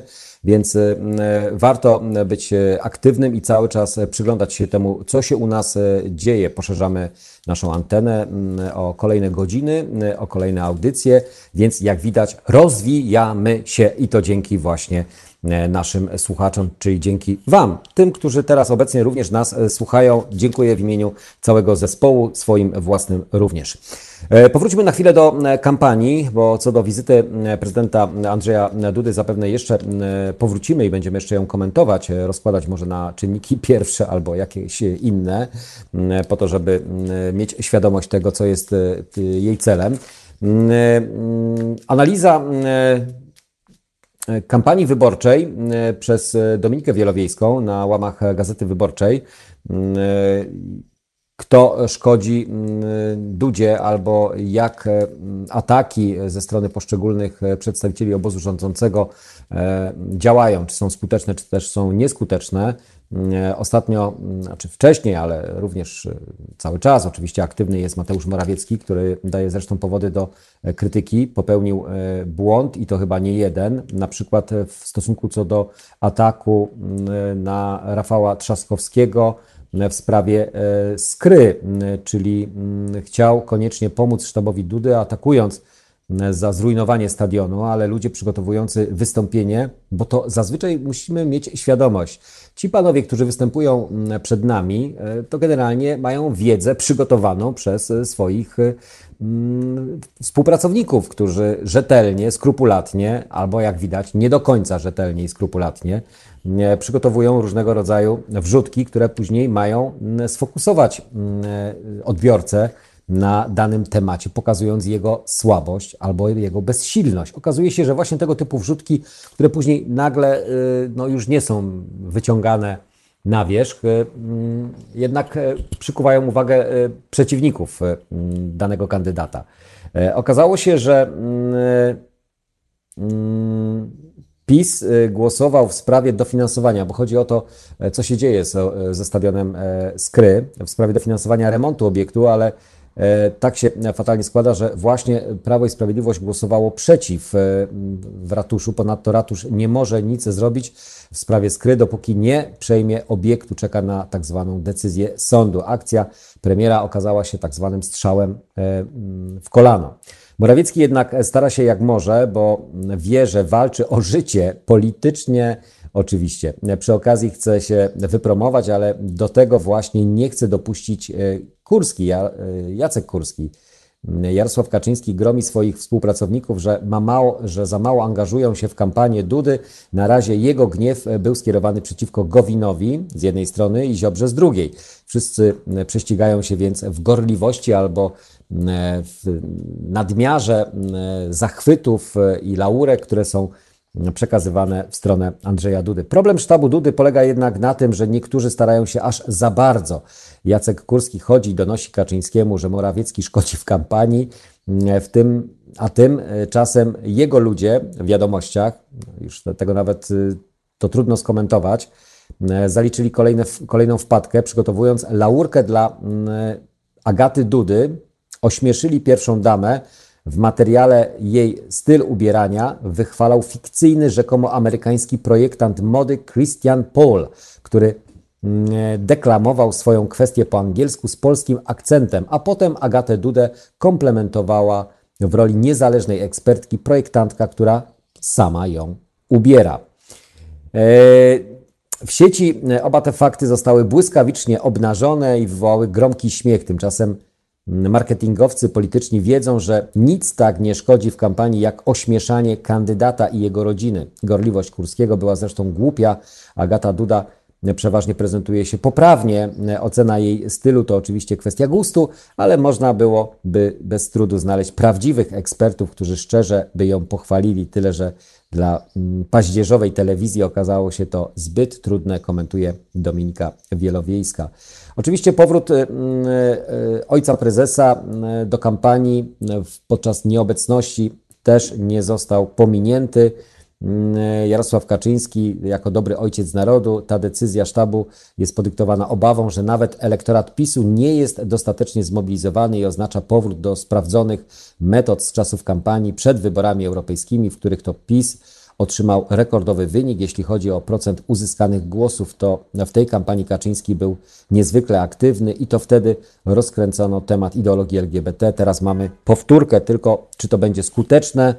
E, Jest kilka, ale pierwsze pytanie, jakie pojawia się w tym e, kontekście, dotyczy przyczyn ówczesnego wielkiego zwycięstwa PiS. Czy był to efekt dobrej strategii, czy też może błędów Konfederacji? Bo właśnie Konfederacja jest języczkiem uwagi, który może mieć mm, przeogromny wpływ na mm, to, w jaki sposób będzie mm, doszacowany albo oceniony mm, prezydent Andrzej Duda. Mm, Konfederacja, Konfederaci nie weszli wtedy do Parlamentu Europejskiego, być może dlatego, że ich retoryka była zbyt radykalna. E, Teraz e, Konfederacja nieco złagodniała i sam Krzysztof e, Bosak, e, który nawet e, krytycznie odniósł się do mm, e, wypowiedzi o akcji przeciwko LGBT.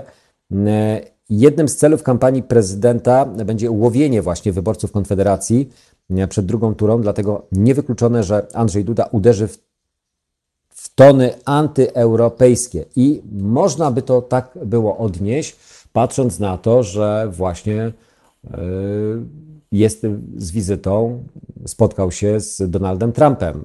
To nie jest ton europejski, to jest, można byłoby określić jako ton antyeuropejski, bo wbrew zasadzie wspólnoty europejskiej, bardziej mm, bliżej nam według prezydenta do Stanów niż do Europy.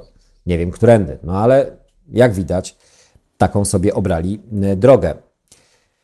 Y, Elektorat Konfederacji to e, jedyna nadzieja PiS, e, tyle tylko, że niektóre manewry prezydenta mogą mu zaszkodzić. Właśnie wspomniana wizyta e, US w USA to miecz obosieczny. Owszem, ma pokazywać skuteczność prezydenta w polityce międzynarodowej i wśród wyborców PiS wzbudzi zachwyty, ale już na wyborach, wyborcach Konfederacji nie zrobi dobrego wrażenia.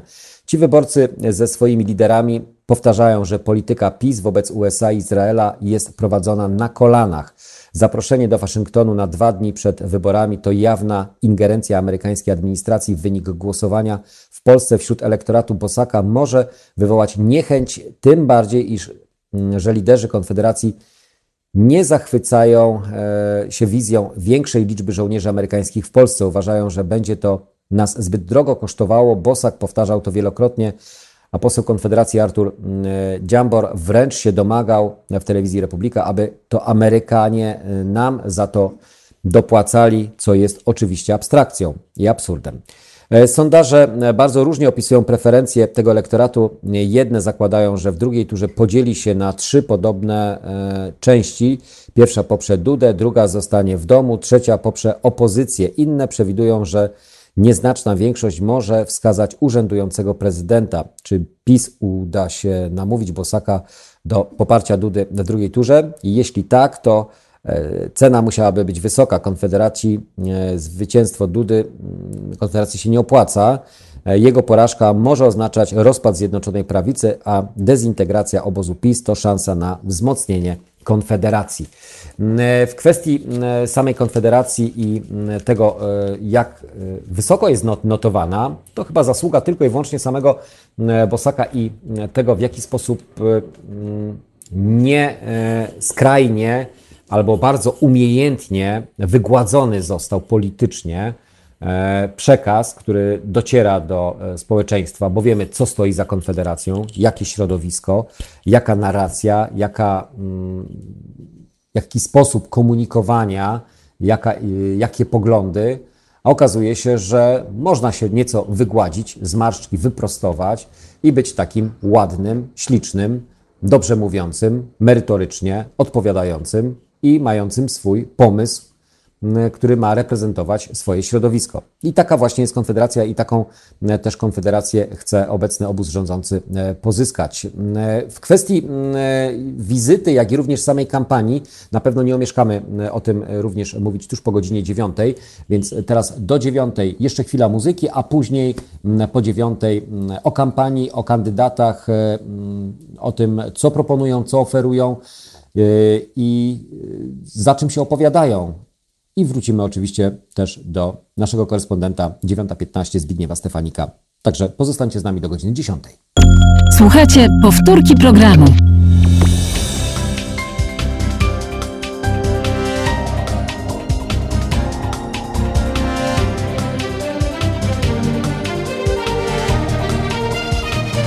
Halo Radio. Halo Radio 9.3. E, Tuż e, przed e, naszym połączeniem z korespondentem, tak jak wspomniałem, jeszcze kampania w skrócie, czyli to, co wydarzyło się w ciągu ostatnich 10 godzin, kilkudziesięciu może godzin, bo to tak wczoraj dokładnie. Co kandydaci proponują albo czym chcą przekonać do siebie jeszcze może tych niezdecydowanych albo utwierdzić swój elektorat w tym, że właśnie to na nich trzeba oddać głos. Szymon Hołownia, chrońmy górników nie kopalnie. Szymon Hołownia w środę w Katowicach krytykował obecny rząd m.in. za najnowszą tarczę antykryzysową. Przypomniał, że znajdują się w niej przepisy przewidujące karę więzienia dla pielęgniarek i lekarzy za nieumyślny błąd w sztuce. Dostało się też prezydentowi Andrzejowi Dudzie. Jego jedynym pomysłem na politykę zagraniczną jest pojechać na 20 minut do Donalda Trumpa. No, może nieco dłużej. E, spotkanie trwało ponad godzinę. A z drugiej strony e, mamy kandydata, e, który ma w sobie tyle pogardy dla swoich wyborców, że nie zdążył jeszcze przygotować programu wyborczego. Mówił oczywiście Hołownia o Rafale Trzaskowskim. Przypomniał Ślązakom jeden ze swoich dokumentów programowych, który zakłada zdecydowaną zmianę energetycznej państwa. Potrzeba nam ambitnych działań. Powinniśmy chronić górników, a nie kopalnie. Już dziś powinniśmy rozpisać proces przenoszenia miejsc pracy z sektora wydobywczego i energetycznego opartego na węglu do miejsc pracy w nowej technologii jesteśmy w stanie to zrobić. Śląsk ma przecież ogromny potencjał naukowy, transportowy czy przedsiębiorczy, postulował. E, Robert Biedroń, przywróćmy województwa po erze polityki pogardy. Musi nadejść era polityki godności, mówił, mówił w Słupsku Robert Biedroń. Kandydat Lewicy, były prezydent Słupska zapowiada program budowy w całej Polsce miliona mieszkań z niskim czynszem. Oddawaliśmy takie mieszkania w Słupsku. Oczywiście, że to było za mało, ale sukcesywnie to robiliśmy. Dzisiaj cała Polska czeka, czeka, no, czeka, żeby zadziałało się to także w innych miastach, podkreślał. Kandydat Lewicy musi wrócić na mapę Polski 31 byłych miast wojewódzkich. Te 31 miast musi wrócić i odzyskać swoją godność, bo jej tej godności pozbawiono, zaznaczał. PO e, wmawiało nam, e, a PiS to kontynuuje, że jak nasycą się tłuste koty z Gdańska, Warszawy, Poznania, to z tego stołu pańskiego dla nas Koszalina, Słupska czy Krosna coś skapnie. Tak się nie stało. E, mówił Robert Biedroń, mm, czyli większa liczba województw. To już mieliśmy raz. Później zostało to zredukowane. Pomysł lewicy na powrót. Władysław Kośniak-Kamysz, nie przeszkadzajmy samorządom. E, działacze związani z PSL-em i Koalicją Polską podpisali w Krakowie deklarację samorządową Władysława Kośniaka-Kamysza. Konieczne jest wprowadzenie bonu inwestycyjnego dla samorządów, zwiększenie subwencji oświatowej oraz znowelizowanie ustawy o dochodach samorządów mówiła posłanka Agnieszka Ścigaj z Koalicji Polskiej. Samorządy dobrze sobie radzą, jeśli im się tylko nie przeszkadza. Przyjmiemy mm, przyjemnie, rozdaje się cudze pieniądze, ale dziś samorządy pokrywają koszty pomysłów zapadających w Warszawie, mówił Wojciech Kozak, były wicemarszałek Małopolski z Polskiego Stronnictwa Ludowego. Warto e, również e, przypomnieć e, o sprawie ważnej dla tych, którzy borykają się z, z pracą albo tą pracę utracili. Jeszcze tylko pięć dni zostało nam na złożenie wniosku o dodatek solidarnościowy w pełnym wymiarze. Straciłeś pracę z powodu pandemii i jesteś w trudnej sytuacji, masz szansę jeszcze na 1400 zł przez 3 miesiące w ramach tak zwanego dodatku solidarnościowego. Ale uwaga, jeśli nie złożysz wniosku do końca czerwca, czyli czasu mamy niewiele, możesz stracić świadczenie za ten miesiąc i już pełnego świadczenia, czyli 4200 nie otrzymać. Ustawa o dodatku solidarnościowym ma wspomóc osoby, które straciły pracę w czasie epidemii koronawirusa. Zakłada ona, że przez 3 miesiące, czerwiec, lipiec i sierpień, możemy otrzymywać co miesiąc 1400 zł. Żeby jednak otrzymać mm, te pieniądze, wniosek trzeba złożyć jeszcze w tym miesiącu. Jeśli złożymy go w lipcu, pieniądze otrzymamy tylko w lipcu i sierpniu. Warto o tym pamiętać, zarejestrować się i oczywiście pieniądze dostać, albo je przynajmniej otrzymać, jeżeli mamy taką potrzebę, bo nie mamy innego wyjścia. Mamy e, rozmówcę na naszej antenie. Halo, cześć, dzień dobry. E, Dzień dobry Jacku, cześć, e, Kuba z tej strony, ze Kuba. Amsterdamu. Dzwonię w sprawie ważnej moim zdaniem, trochę przysłoniętej wizytą naszego prezydenta w Stanach i wyborami, a mianowicie sytuacją w polskich liniach lotniczych LOT. E, Otóż e, LOT zachowuje się w tym momencie jak piramida finansowa. E, Sprzedają bardzo tanio miejsca na loty, które wcześniej skasowali, po czym sprzedają miejsca na te loty jeszcze raz. Oferują bardzo tanie połączenia do różnych miejsc, bodajże otwierają jakąś nową siatkę, ale moim zdaniem ma to na celu tylko i wyłącznie zgromadzenie pieniędzy przed ogłoszeniem bankructwa, które wydaje mi się nastąpić tuż po wyborach, ponieważ no wszystkie, wszystkie sygnały na to wskazują. Moje loty osobiście, które kupiłem z Amsterdamu do Rzeszowa zostały skasowane wczoraj, na 3 sierpnia, a także mojej żony na tydzień wcześniej.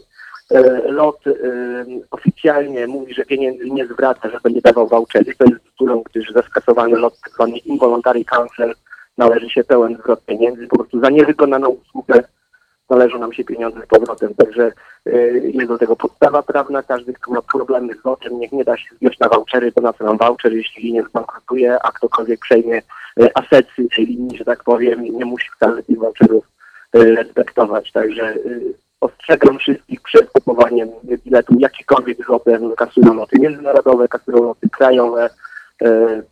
Próba dzwonienia się na, na, na customer service po godzinnym oczekiwaniu kończy się z tym, że po przedstawieniu sprawy agentowi po prostu agent się rozłącza.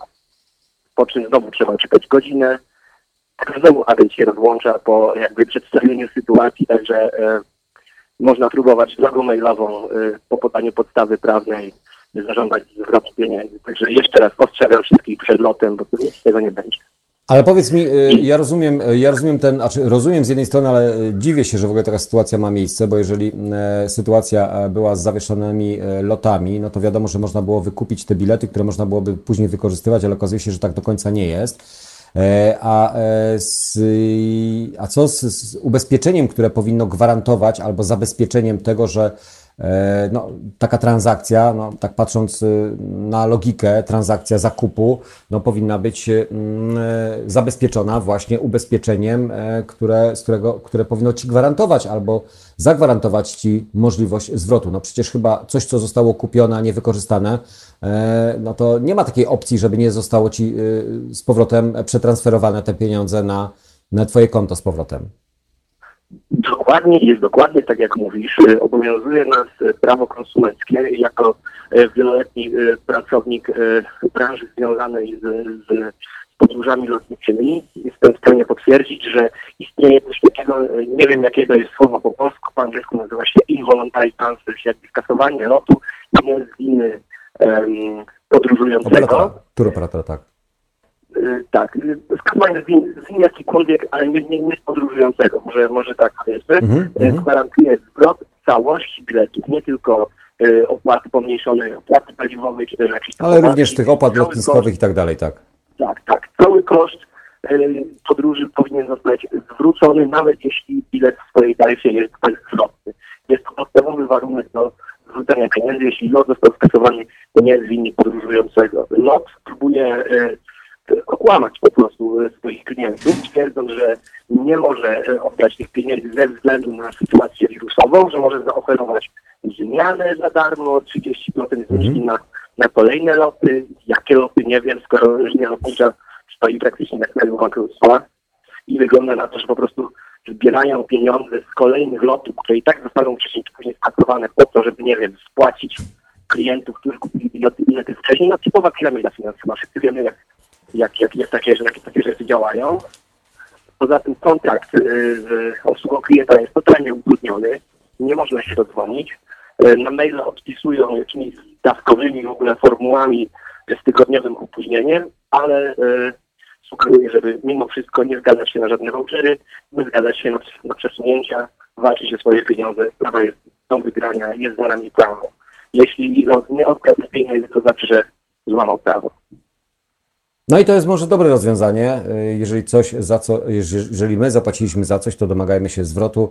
E, Ja wiem, że e, zawsze tu są apele o to, aby być e, wyrozumiałym czy tolerancyjnym, ale jeżeli, tak jak mówisz, sytuacje rzeczywiście zakrawają o, o, o tego typu sytuacje, że To jest, to jest ktoś prób- absurdalna sytuacja. Ja w tym momencie po prostu lot e, gra na zwłoki, próbując wyciągnąć jak najwięcej pieniędzy od, od klientów powtarzam. Zdarzają się sytuacje, że lot zostaje skasowany, po czym kilka godzin później ten sam lot pojawia się znowu w siatce na łączek Mhm. możliwością kupienia biletów troszeczkę drożej. Tak jakby e, e, wypełniali samolot, po czym kasowali lot, ponownie wypełniali samolot, ale licząc na to, że ludzie skuszeni e, niskimi stawkami e, po prostu będą się. Także ostrzegam przed lotem, Dobra. nie kupujcie biletu. Dzięki bardzo, Kuba, pozdrawiam Cię serdecznie. Trzymaj się ciepło. E, Pozdrawiam e, również mieszkańców słuchających nas e, w Amsterdamie, w Holandii. My dosłownie wrócimy za chwilę, bo już za moment łączymy się z naszym korespondentem Zbigniewem Stefanikiem. To jest powtórka programu.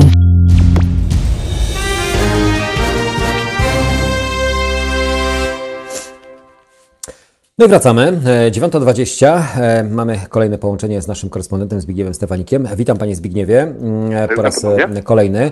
Oczywiście e, w nawiązaniu, jeżeli Pan chce dokończyć jeszcze puentę e, związaną z, z prezydentem, e, to ok, ale chciałbym, żebyśmy jeszcze też e, porozmawiali na temat kampanii i ataków, e, nazwijmy to.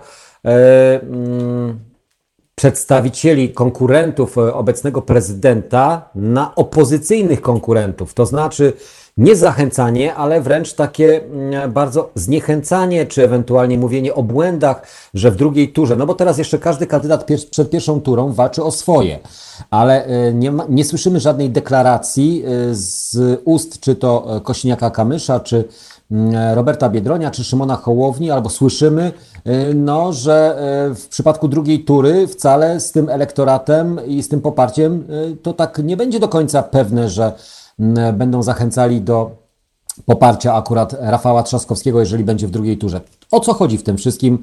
Y, Czy to są popełniane błędy, czy y, świadome działanie? Jeśli pozwolę, to dokończę w takim razie poprzedni wątek. Otóż e, chciałem przytoczyć wypowiedź e, pana wówczas wicepremiera w rządzie Beaty Szydło Mateusza Morawieckiego, który stwierdził w programie Kropka na pani redaktor Moniki Olejnik e, w roku 2016, e, iż wybór pomiędzy Hillary Clinton a e, Donaldem Trumpem to wybór e, między dżumą a cholerą. Em, Zdaje się więc, że rządzący ewoluowali troszkę w tych poglądach, jednakże warto przytoczyć em, tą wypowiedź, ponieważ ówczesny wicepremier przecież w rządzie Beaty Szydło, można uznać, mówił tak naprawdę w imieniu rządu, skoro e, pozwolił sobie na taką wypowiedź, no właśnie kiedy w USA trwała kampania wyborcza. E, Jeśli chodzi o tą wizytę, to e, jest wiele e, pytań. Jak Paweł wspomniał, mało konkretnych wypowiedzi, jednak na tyle konkretnych, iż budzą one e, konkretne obawy, bardzo konkretne obawy. I te pytania muszą być postawione, ponieważ faktycznie decyzje, które tam zapadły, mogą tak naprawdę wiązać Polskę na lata. E, Osobiście nie uważam, aby uniezależnianie się od e, rosyjskiego gazu miało nas doprowadzić do uzależnienia się od gazu amerykańskiego. Wreszcie chciałem e, również przypomnieć Państwu, iż USA i Unia Europejska za decyzją Trumpa stały się coraz bardziej konkurentami tak naprawdę w kwestiach gospodarczych, w tym kwestiach energii i Polska musi to uwzględniać. E, Tak więc nie jest tak, jak powiedział sam prezydent e, Andrzej Duda, że e, Amerykanie no właśnie patrzą w stronę Europy, jest wprost przeciwnie.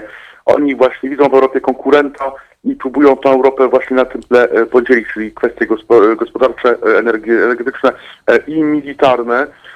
Wreszcie, jak mówiliśmy, tutaj kwestie związane z decyzjami e, i ich skutkami, czyli e, jakie skutki dla Polski tych inwestycji, na jakich warunkach korporacje mogłyby w Polsce funkcjonować. Te stwierdzenia muszą być postawione, ponieważ są one bardzo istotne. Mam nadzieję, że kandydaci opozycyjni, o których pan rektor mówi, właśnie te, te pytania postawią.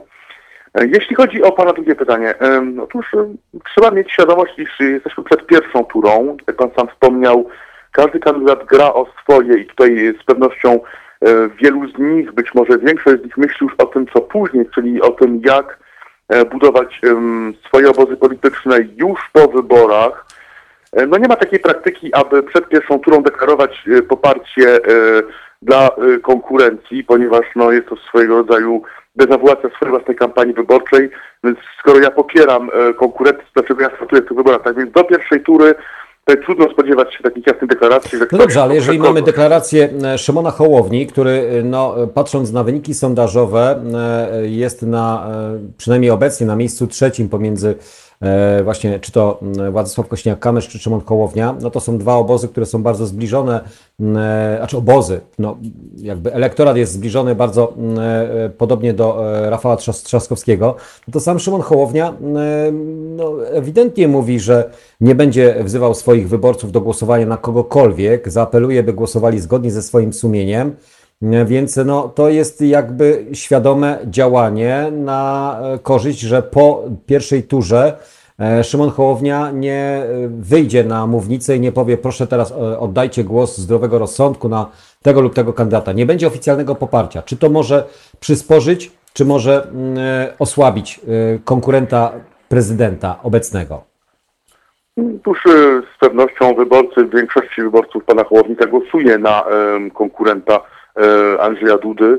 Tak więc tutaj o ten elektorat e, raczej można być e, no, spokojny z punktu widzenia opozycji oczywiście. E, natomiast być może trwają jakieś negocjacje. Ym, Jak mówiliśmy, y, poszczególni e, liderzy, poszczególni kandydaci już myślą o tym, co będzie e, w poniedziałek, tak, czyli po tych wyborach.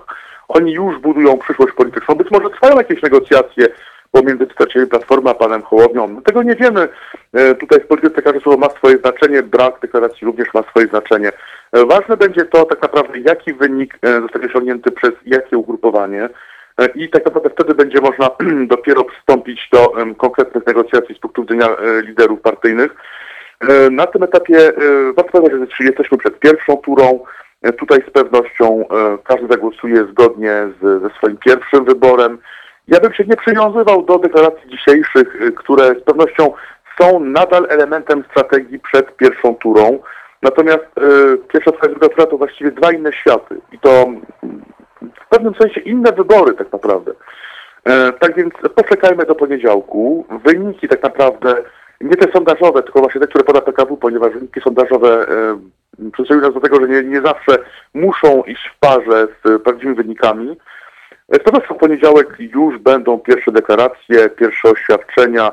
Em, W mojej opinii nie elektorat em, m, Szymona Hołowni, ponieważ tutaj em, zdaje się, iż jego sposób zagłosowania jest dość oczywisty, e, ale bardziej właśnie em, językiem uwagi będzie elektorat Krzysztofa Bosaka. E, Ponieważ e, można spodziewać się, iż Krzysztof Bosak osiągnie dość wysoki wynik, być może wręcz dwucyfrowy. I tutaj właśnie będzie sytuacja zbliżona do sytuacji sprzed pięciu lat, czyli wyborców Kukiza. E, Ja osobiście nie prognozuję, aby e, Bosak e, osiągnął podobny wynik jak Kukiz 5 lat temu, jednakże ten wynik może być wysoki, może być na tyle istotny, iż ten elektorat będzie języczkiem uwagi. I warto pamiętać, iż o ile 5 lat temu ten elektorat zagłosował przeciwko em, obecnie rządzącym, czyli Platformie Obywatelskiej i Władysławowi Komorowskiemu, o tyle tym razem głosuje przeciwko obecnie rządzącym. E, czyli przeciwko Andrzejowi Dudzie. Tak więc ten elektorat będzie bardzo trudny do pozyskania przez obecnego prezydenta. E, co nie znaczy, że elektorat ten zagłosuje w dużej mierze na pana Trzaskowskiego. To się okaże. Jednakże będzie to elektorat, który będzie językiem uwagi z pewnością, jak również elektorat PSL-u, no, który, jak już mówiliśmy, jest elektoratem em, tradycyjnie konserwatywnym i e, niekoniecznie głosującym no właśnie e, w drugiej turze na Platformę Obywatelską, ponieważ e, e, trwa duża rywalizacja od e, co najmniej sześciu lat pomiędzy PiSem a PSL-em o właściwie tego samego wyborcę. Tak więc tutaj transfery wyborców e, z PSL-u do PiSu i vice versa e, mają bardzo często miejsce e, przy okazji poszczególnych wyborów, czy to samorządowych, czy parlamentarnych, czy też europarlamentarnych, prezydenckich również. Tak więc z pewnością tutaj wynik em, pana Kośniaka-Kamysza będzie istotną informacją, ponieważ e, będzie on oznaczał e, na ile tak naprawdę poszczególne obozy muszą się starać, aby zachęcić tych kandydatów. Jednakże faktycznie zdaje się, iż wyniki e, pana Biedronia i pana Hołowni mogą być na tyle, e, przepraszam za to wyrażenie, e, nieistotne z punktu widzenia konkurencji pana Dudy, iż można założyć z dużą prawdopodobieństwem, że ci wyborcy i tak zagłosują Na Rafała Trzaskowskiego, jeżeli będzie w drugiej turze. Dlaczego? Ponieważ, tak Państwo mówiliście na Waszej antenie, druga tura to będzie plebiscyt tak naprawdę. Plebiscyt za czy przeciwko obecnej władzy. I tutaj e, właściwie tylko to pytanie zdominuje e, tą debatę, całkowicie zdominuje tą debatę. Zdominują tą debatę również inne, również inne kwestie, czy, czy kwestie gospodarcze, również kwestie zagraniczne, które właśnie Ale opozycja właśnie, właśnie, opinii... panie, właśnie panie Zbigniewie, bo pan mówił o, o Konfederacji, która jest języczkiem uwagi, ale Konfederacja wiemy, jakie ma stos- jaki ma stosunek do Stanów Zjednoczonych i do finansowania mm, e, militarnych e, zapędów e, naszego kraju, albo przynajmniej e, militarnych e, chcieństw, nazwijmy to, Donalda Trumpa, który chciałby, żebyśmy płacili za lokalizację i za mm, e, e, budowę mm, e, jednostek wojskowych, czy fortów, jak to e, nazywa, e, wcześniej nazwał to Donald, e, m, a czy e, A- Andrzej e, Duda. E, Więc Konfederacja no, nie jest e, e, zadowolona z wizyty samego prezydenta i z tych deklaracji, które mamy dużo pytań, a mało odpowiedzi, które padają z ust jednego czy drugiego przedstawiciela narodu. Z pewnością, z pewnością Konfederacja nie jest zadowolona z tych wszystkich e, deklaracji.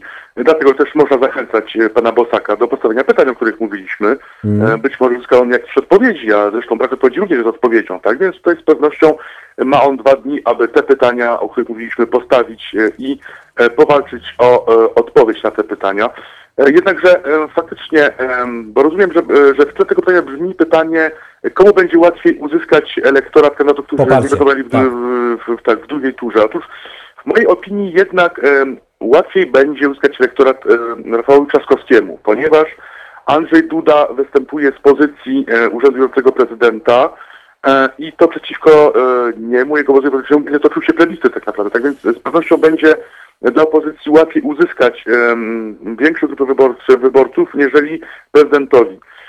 Ponieważ, jak mówiliśmy, nie powstał tak naprawdę Andrzej Duda 2020, tylko Andrzej Duda właściwie przez cały czas e, używa przekazu sprzed pięciu lat. E, I tutaj można bardzo łatwo przeciwko niemu e, obrócić właśnie tą tezę, że właściwie może on to czynić, ponieważ obietnice, które złożył wtedy są niezrealizowane, tak więc można on je składać teraz, czy też nawet za 5, 10, 20 lat. Nie ma to żadnego znaczenia. E, Wreszcie kwestia, no właśnie zawodu. Otóż Andrzej Duda i jego politycy zawiedli dużą część wyborców e, prawicowych. Ja tam spotykam się z opiniami no właśnie e, znajomych, którzy e, utożsamiają się z prawicą polską, ale nie z PiSem, którzy właśnie mówią mi, że głosowali na Andrzeja Dudy, e, żałują, już tego nie zrobią, że zostali zawiedzeni i zagłosują na innego kandydata. Na pewno nie będzie to Andrzej Duda ani w pierwszej, ani w drugiej turze. E, Tak więc ciężko będzie prezydentowi pozyskać ten elektorat i także, mm, jak mówiliśmy, dwie strategie. Z jednej strony Andrzej Duda stawia na strategię maksymalnej mobilizacji na prawicy. Tu mają służyć poszczególne wrzutki, na przykład ta wrzutka do ustawy e, antykowidowej 4.0, e, jak również są poszczególne deklaracje, również ta dotycząca LGBT i tą debatę, którą prezydent w Polsce rozpętał.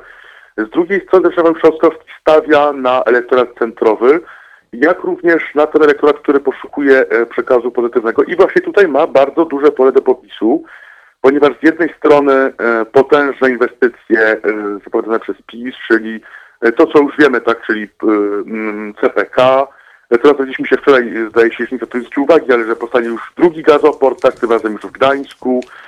E, Ten w Świnoujściu ma być jeszcze rozwijany, e, w, różne przekopy, tak, e, które mają w- Polskę e, przygotować do właśnie do, do, do, do dużego handlu morskiego. E, Wreszcie jakiś szlak komunikacyjny, który ma iść przez Białystok e, i który właśnie ma czynić z Polski takie epicentrum e, Trójmorza i handlu w ramach Trójmorza. Wielkie inwestycje, wielkie projekty, rozwój elektrowni atomowej, e, inwestycje w szczepionki, e, rozwój polskiej potęgi militarnej. No i gdzieś tam w tle ten obywatel, tak? I no właśnie, co z tym obywatelem? I tutaj jest pole do popisu do Rafała Trzaskowskiego, który właśnie powinien precyzować, jak daleko idąco precyzować swoją koncepcję inwestycji za rogiem, ponieważ jest to koncepcja, która jest stosowana na zachodzie, na przykład we Francji, e, gdzie no właśnie w ramach walki z COVID-em e, i jego skutkami e, przyjmuje się taką doktrynę, iż właśnie to samorządy powinny same tak naprawdę określać potrzeby obywateli i inwestować w te potrzeby, czy to służba zdrowia, czy to żłobki, szkoły, czy to właśnie biznes lokalny, promowanie biznesu lokalnego, lokalnej kultury. I to e, jest koncepcją, która się sprawdza. Tak więc tą koncepcję należy promować, ponieważ prezydent Andrzej Duda powiedział kilka dni temu, e, iż kiedy jest zima, no nie zamierza wybierać pomiędzy płaszczem a butami, iż naprawdę jego zdaniem Polskę stać na wszystko, na te duże projekty i inwestycje za rogiem. No zdaje się, że nie. I o tym opowiadam mam świadomość, ponieważ no, można postawić pytanie, e, ile tak naprawdę ja, pan, obywatele RP skorzystają na centralnym porcie komunikacyjnym, na już drugim gazoporcie i na tych wszystkich inwestycjach. E, ile obywatele będą mieli z tych inwestycji w sytuacji, gdzie robi sobie całe 100 tysięcy mieszkań, zdaje się, już budował ich 800, jak się nie mylę, tak, e, w ciągu e, pięciu lat. Tak więc ile tak naprawdę PiS zainwestował w infrastrukturę dla obywateli, e, ile tak naprawdę zostało zrobione e, z tego, co zostało obiecane, e, gdzie są te auta elektryczne, które miały wszystkim e, posłużyć.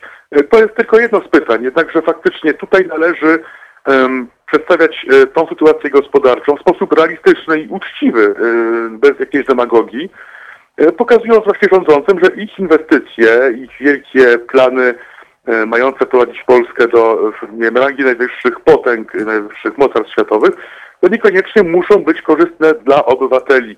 Jednakże ten przekaz nie przebija się na razie. Znaczy, Mam wiele bardzo mało o inwestycjach za rogiem. Co to dokładnie oznacza? Wiedzą o tym tylko ci, którzy się tym interesują, którzy wiedzą, jak to działa na Zachodzie, mówiąc e, pewnym kolokwializmem. Natomiast jak miałoby to działać w Polsce, czyli kto miałby te pieniądze wydatkować, e, na jakiej zasadzie, jakie byłyby reguły.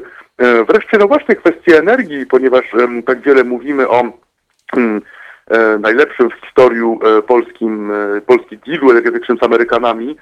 E, Ile będzie cena gazu, jeśli, jak będziemy o cena gazu, kiedy Polska się uzależni od USA w kwestiach energetycznych? Przypominam, że przecież Amerykanie prowadzą bardzo agresywną politykę energetyczną na świecie, e, próbując uzyskać no właśnie leadership e, w tej, w tej kwestii, czego zresztą przejawem są działania na Bliskim Wschodzie nie tylko.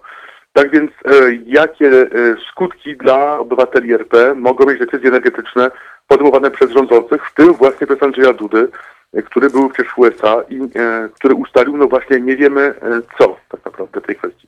To wszystko powinno być tak naprawdę stawiane em, na e, no właśnie na łamach tej drugiej e, tury, jednakże faktycznie e, przed, nami pierwsza tura, pamiętajmy, że przed nami pierwsza tura, To panie e, Zbigniewie, nie na właśnie, na koniec, e, jak chciałbym, jakby taka prognoza, bo wiemy, że e, spotkamy się oczywiście w poniedziałek, ale e, prognoza, e, jak rozłożą się głosy, kto będzie trzeci, bo e, kto, e, kto pierwszy, kto drugi w tej turze, to e, no raczej jesteśmy w stanie chyba łatwo przewidzieć, chociaż wiadomo, że wszystko może nas zaskoczyć jeszcze, bo są e, tak zwane sondaże pokazujące niedoszacowanie poszczególnych kandydatów. Według Pana, jaka będzie kolejność?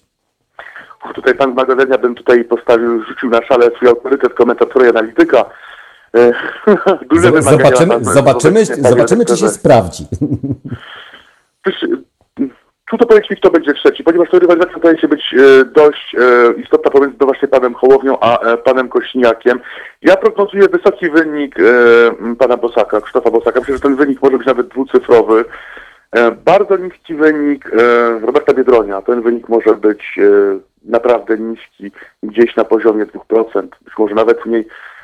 Jednak tutaj będzie trwała rywalizacja pomiędzy um, Kośniakiem Kamyszem a Szymonem Hołownią. Ja osobiście prognozowałbym jednak wyższy wynik dla Kośniaka Kamysza, ponieważ wydaje mi się, iż kampania Szymona Hołowni no właśnie dostała pewnej zadyszki już od momentu e, wejścia do gry Rafała Trzaskowskiego. Dlaczego? Ponieważ te elektoraty właściwie pokrywają się, także elektorat Platformy jest bezwzględny do, do, elektoratu, potencjalnego elektoratu pana Hołowni, tak więc tutaj no to spowodowało, już te właściwie ta kampania została wyhamowana. Tak więc no, moja prognoza, okej, namówił mnie pan, ale jeśli pan autorytet, no to mam nadzieję, że załatwi mi pan w takim razie współpracę z waszym radiem, bo nigdzie indziej nie będę już mógł współpracować.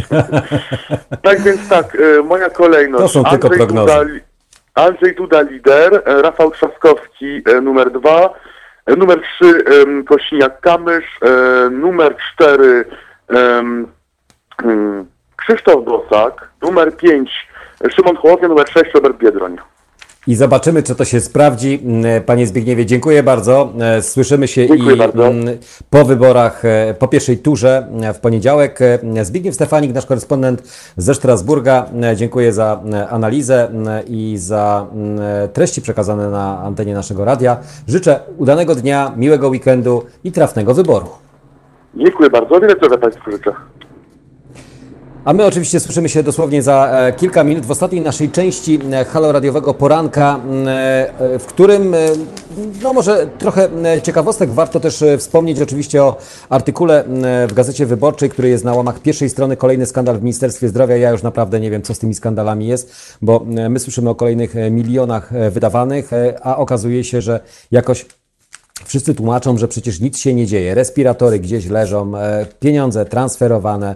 e, Podobno rzekomo mają e, zwracać te pieniądze za niezrealizowane umowy. A pytanie, miliony leżące na koncie to oprocentowane czy nieoprocentowane? Jak to jest, jeżeli coś leży przez miesiąc, dwa lub trzy, a, ma, a jest to pokaźna kwota, to co się z tymi pieniędzmi dzieje? Mm, No takie myślę, ważne pytanie, bo gdybym ja miał miliony na koncie, to może mógłbym żyć z samych odsetek, oczywiście po dobrym układzie mm, z jakimś e, bankiem czy z jakąś instytucją e, finansową. No ale dobrze. Mm, e, Warto zajrzeć kolejny skandal w ministerstwie z miliona koreańskich testów na koronawirusa, które Ministerstwo Zdrowia kupiło za 125 milionów złotych. Przyjechało tylko 150 tysięcy, nikt ich nie używa, a ich skuteczność jest wątpliwa. Wracamy do naszej halo radiowej rodzinki i naszych komentarzy już za chwilę.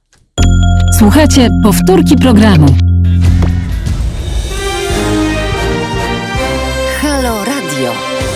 Pierwsze radio z wizją.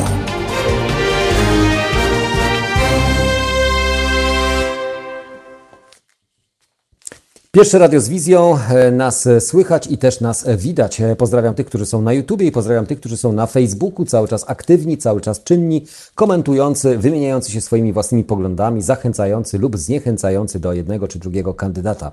Rekordowa mobilizacja na wybory, niedzielne wybory prezydenckie wywołały wielkie zainteresowanie Polaków mieszkających za granicą. Mm, Aż 387 tysięcy rodaków zarejestrowało się do głosowania za granicą, z tego 343 tysiące zgłosiło chęć udziału w wyborach w formie korespondencyjnej. W wyborach 5 lat temu było to 197 tysięcy, czyli dwukrotnie mniej niż obecnie. Nigdy wcześniej nie było tak dużej liczby zarejestrowanych jako chętni do udziału w wyborach. Powiedział wiceminister spraw zagranicznych Piotr mm, Wawrzyk. Mm, Dodał, że nigdy do tej pory aż tylu naszych rodaków nie, nie wyraziło chęci udziału w wyborach korespondencyjnych. Wysyłka pakietów wyborczych rozpoczęła się 16 czerwca. W samym Londynie przygotowano 77 tysięcy pakietów, a nad wysyłką pracowało prawie 100 osób służby dyplomatycznej i konsularnej, stwierdził Wawrzyk. Również e, warto spojrzeć na notowania partii politycznych, bo obok wyborów Również m, za wyborami, czyli za kandydatami, idą partie polityczne. Może nie, nie wszyscy mają e, ugrupowania polityczne, ale no, jak to się przekłada na poparcie dla partii politycznych? Prawo i Sprawiedliwość wciąż jest na czele sondaży przedwyborczych, utrzymując wyraźną przewagę nad koalicją obywatelską. Poparcie dla partii Kaczyńskiego powoli jednak maleje, tak wynika z najnowszego sondażu Instytutu Badań Polster dla Super Expressu. Gdyby wybo- wybory odbyły się w najbliższą niedzielę, w najbliższą niedzielę to odbędą się wybory, ale wybory prezydenta. E, Partia rządząca uzyskałaby 41,3% głosów, e, wyprzedzając koalicję obywatelską w stosunku do badania z poprzedniego notowania. PiS spadły o 1 punkt procentowy, natomiast koalicji obywatelskiej wzrosły o 3 punkty procentowe. Strata jednego punktu procentowego dla partii regularnie przekracza, przekraczającej w sondażach 40% nie jest powodem do niepokoju, mówi profesor Rafał Chwedoruk, politolog Uniwersytetu Warszawskiego. Dodaje, że PiS zwykle bywał e, w sondażach niedoszacowany i mówi, że im gorącej w kampanii, tym większa stabilność naszego systemu politycznego. Polska polityka jest stabilna, jeśli chodzi o podziały wyborcze, uważa Chwedoruk. Badanie zrealizował Instytut mm, e, Polster 16-17 czerwca. Jak rozkładają się poszczególne poparcia dla partii. Prawo i Spra- Sprawiedliwość, jak wspomniałem, 41,3, Koalicja Obywatelska mm, e, 29,59 mm, e, setnych procenta, Lewica 10,6, ponad 10, PSL ponad 9, Konfederacja goni PSL 8,8%, inna partia niecały, niecałe, no, trochę ponad 0,5%. Więc y, jak widać, y, mm, zainteresowanie poszczególny, poszczególnymi ugrupowaniami politycznymi jest y, przeogromne. Różnice, no rzekłbym, jest z jednej strony wielkie, a z drugiej strony niewielkie.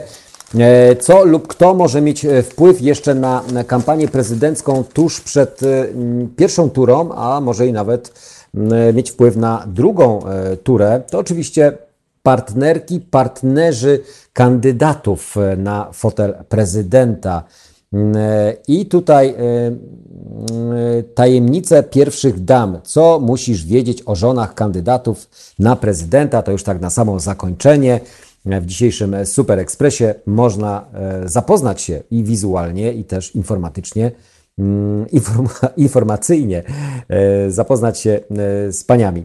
Urszula Brzezińska, Hołownia, pani pilot, ma zdecydowanie najbardziej nietypowy zawód spośród wszystkich kandydatek na pierwszą damę.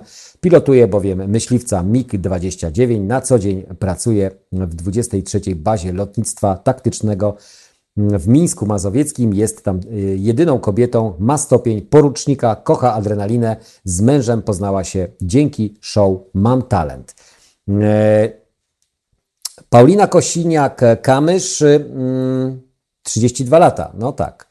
E, To jedna z najbardziej aktywnych w kampanii żon kandydata z zawodu jest e, ortodontką i jej mąż trafił do niej właśnie na wizytę lekarską. Nigdy nie wiecie, kogo możecie spotkać e, na swojej drodze życia. Z zawodu dentystka, albo tak może prościej, jej hobby to czytanie oraz gotowanie. Ciastem rabarbo, rabarbarowym podbija serce szefa ludowców. Lubi sport, ma patent żeglarski, adrenalinę, e, skakała ze spadochronem, leciała szybowcem.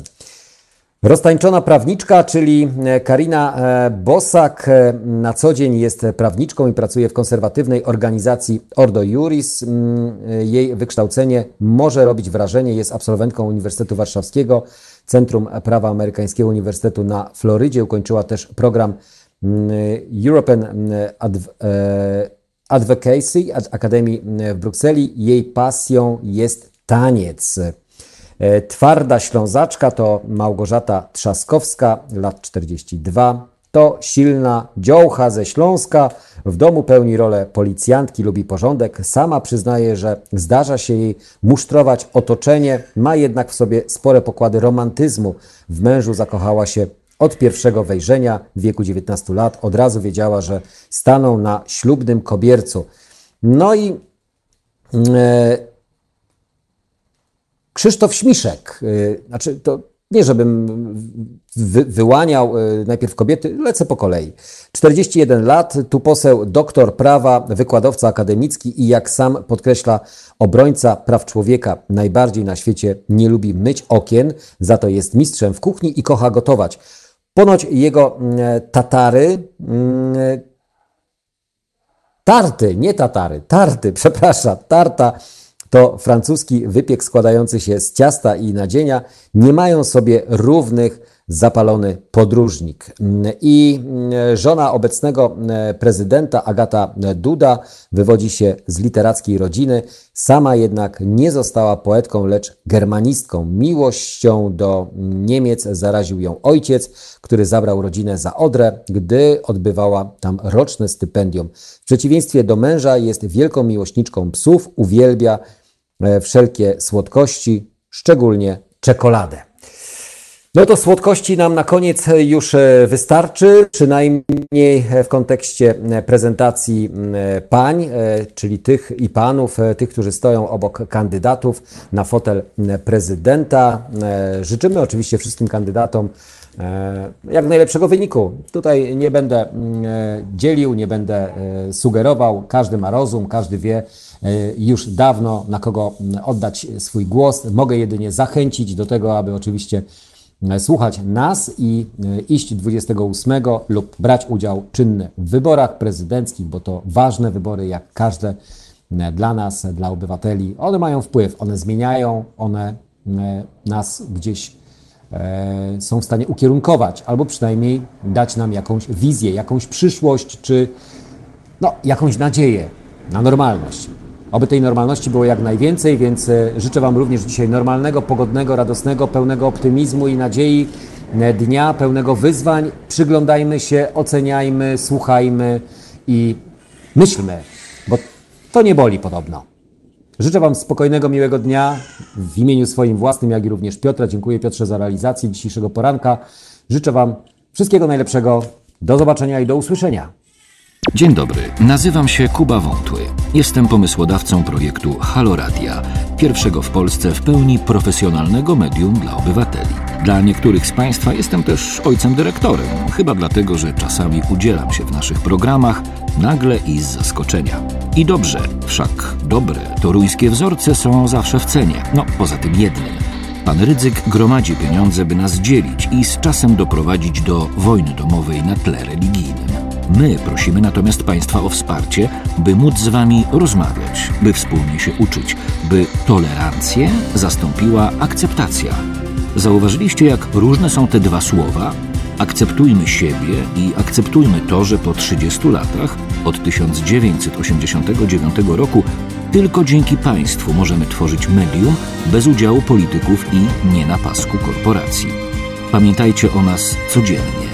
Jeśli chcecie być częścią naszej społeczności, to słuchajcie, oglądajcie, piszcie, mówcie i finansujcie swój obywatelski projekt Halo Radia. www.halo.radio ukośnik SOS. Dziękuję w imieniu wszystkich dziennikarzy i swoim własnym.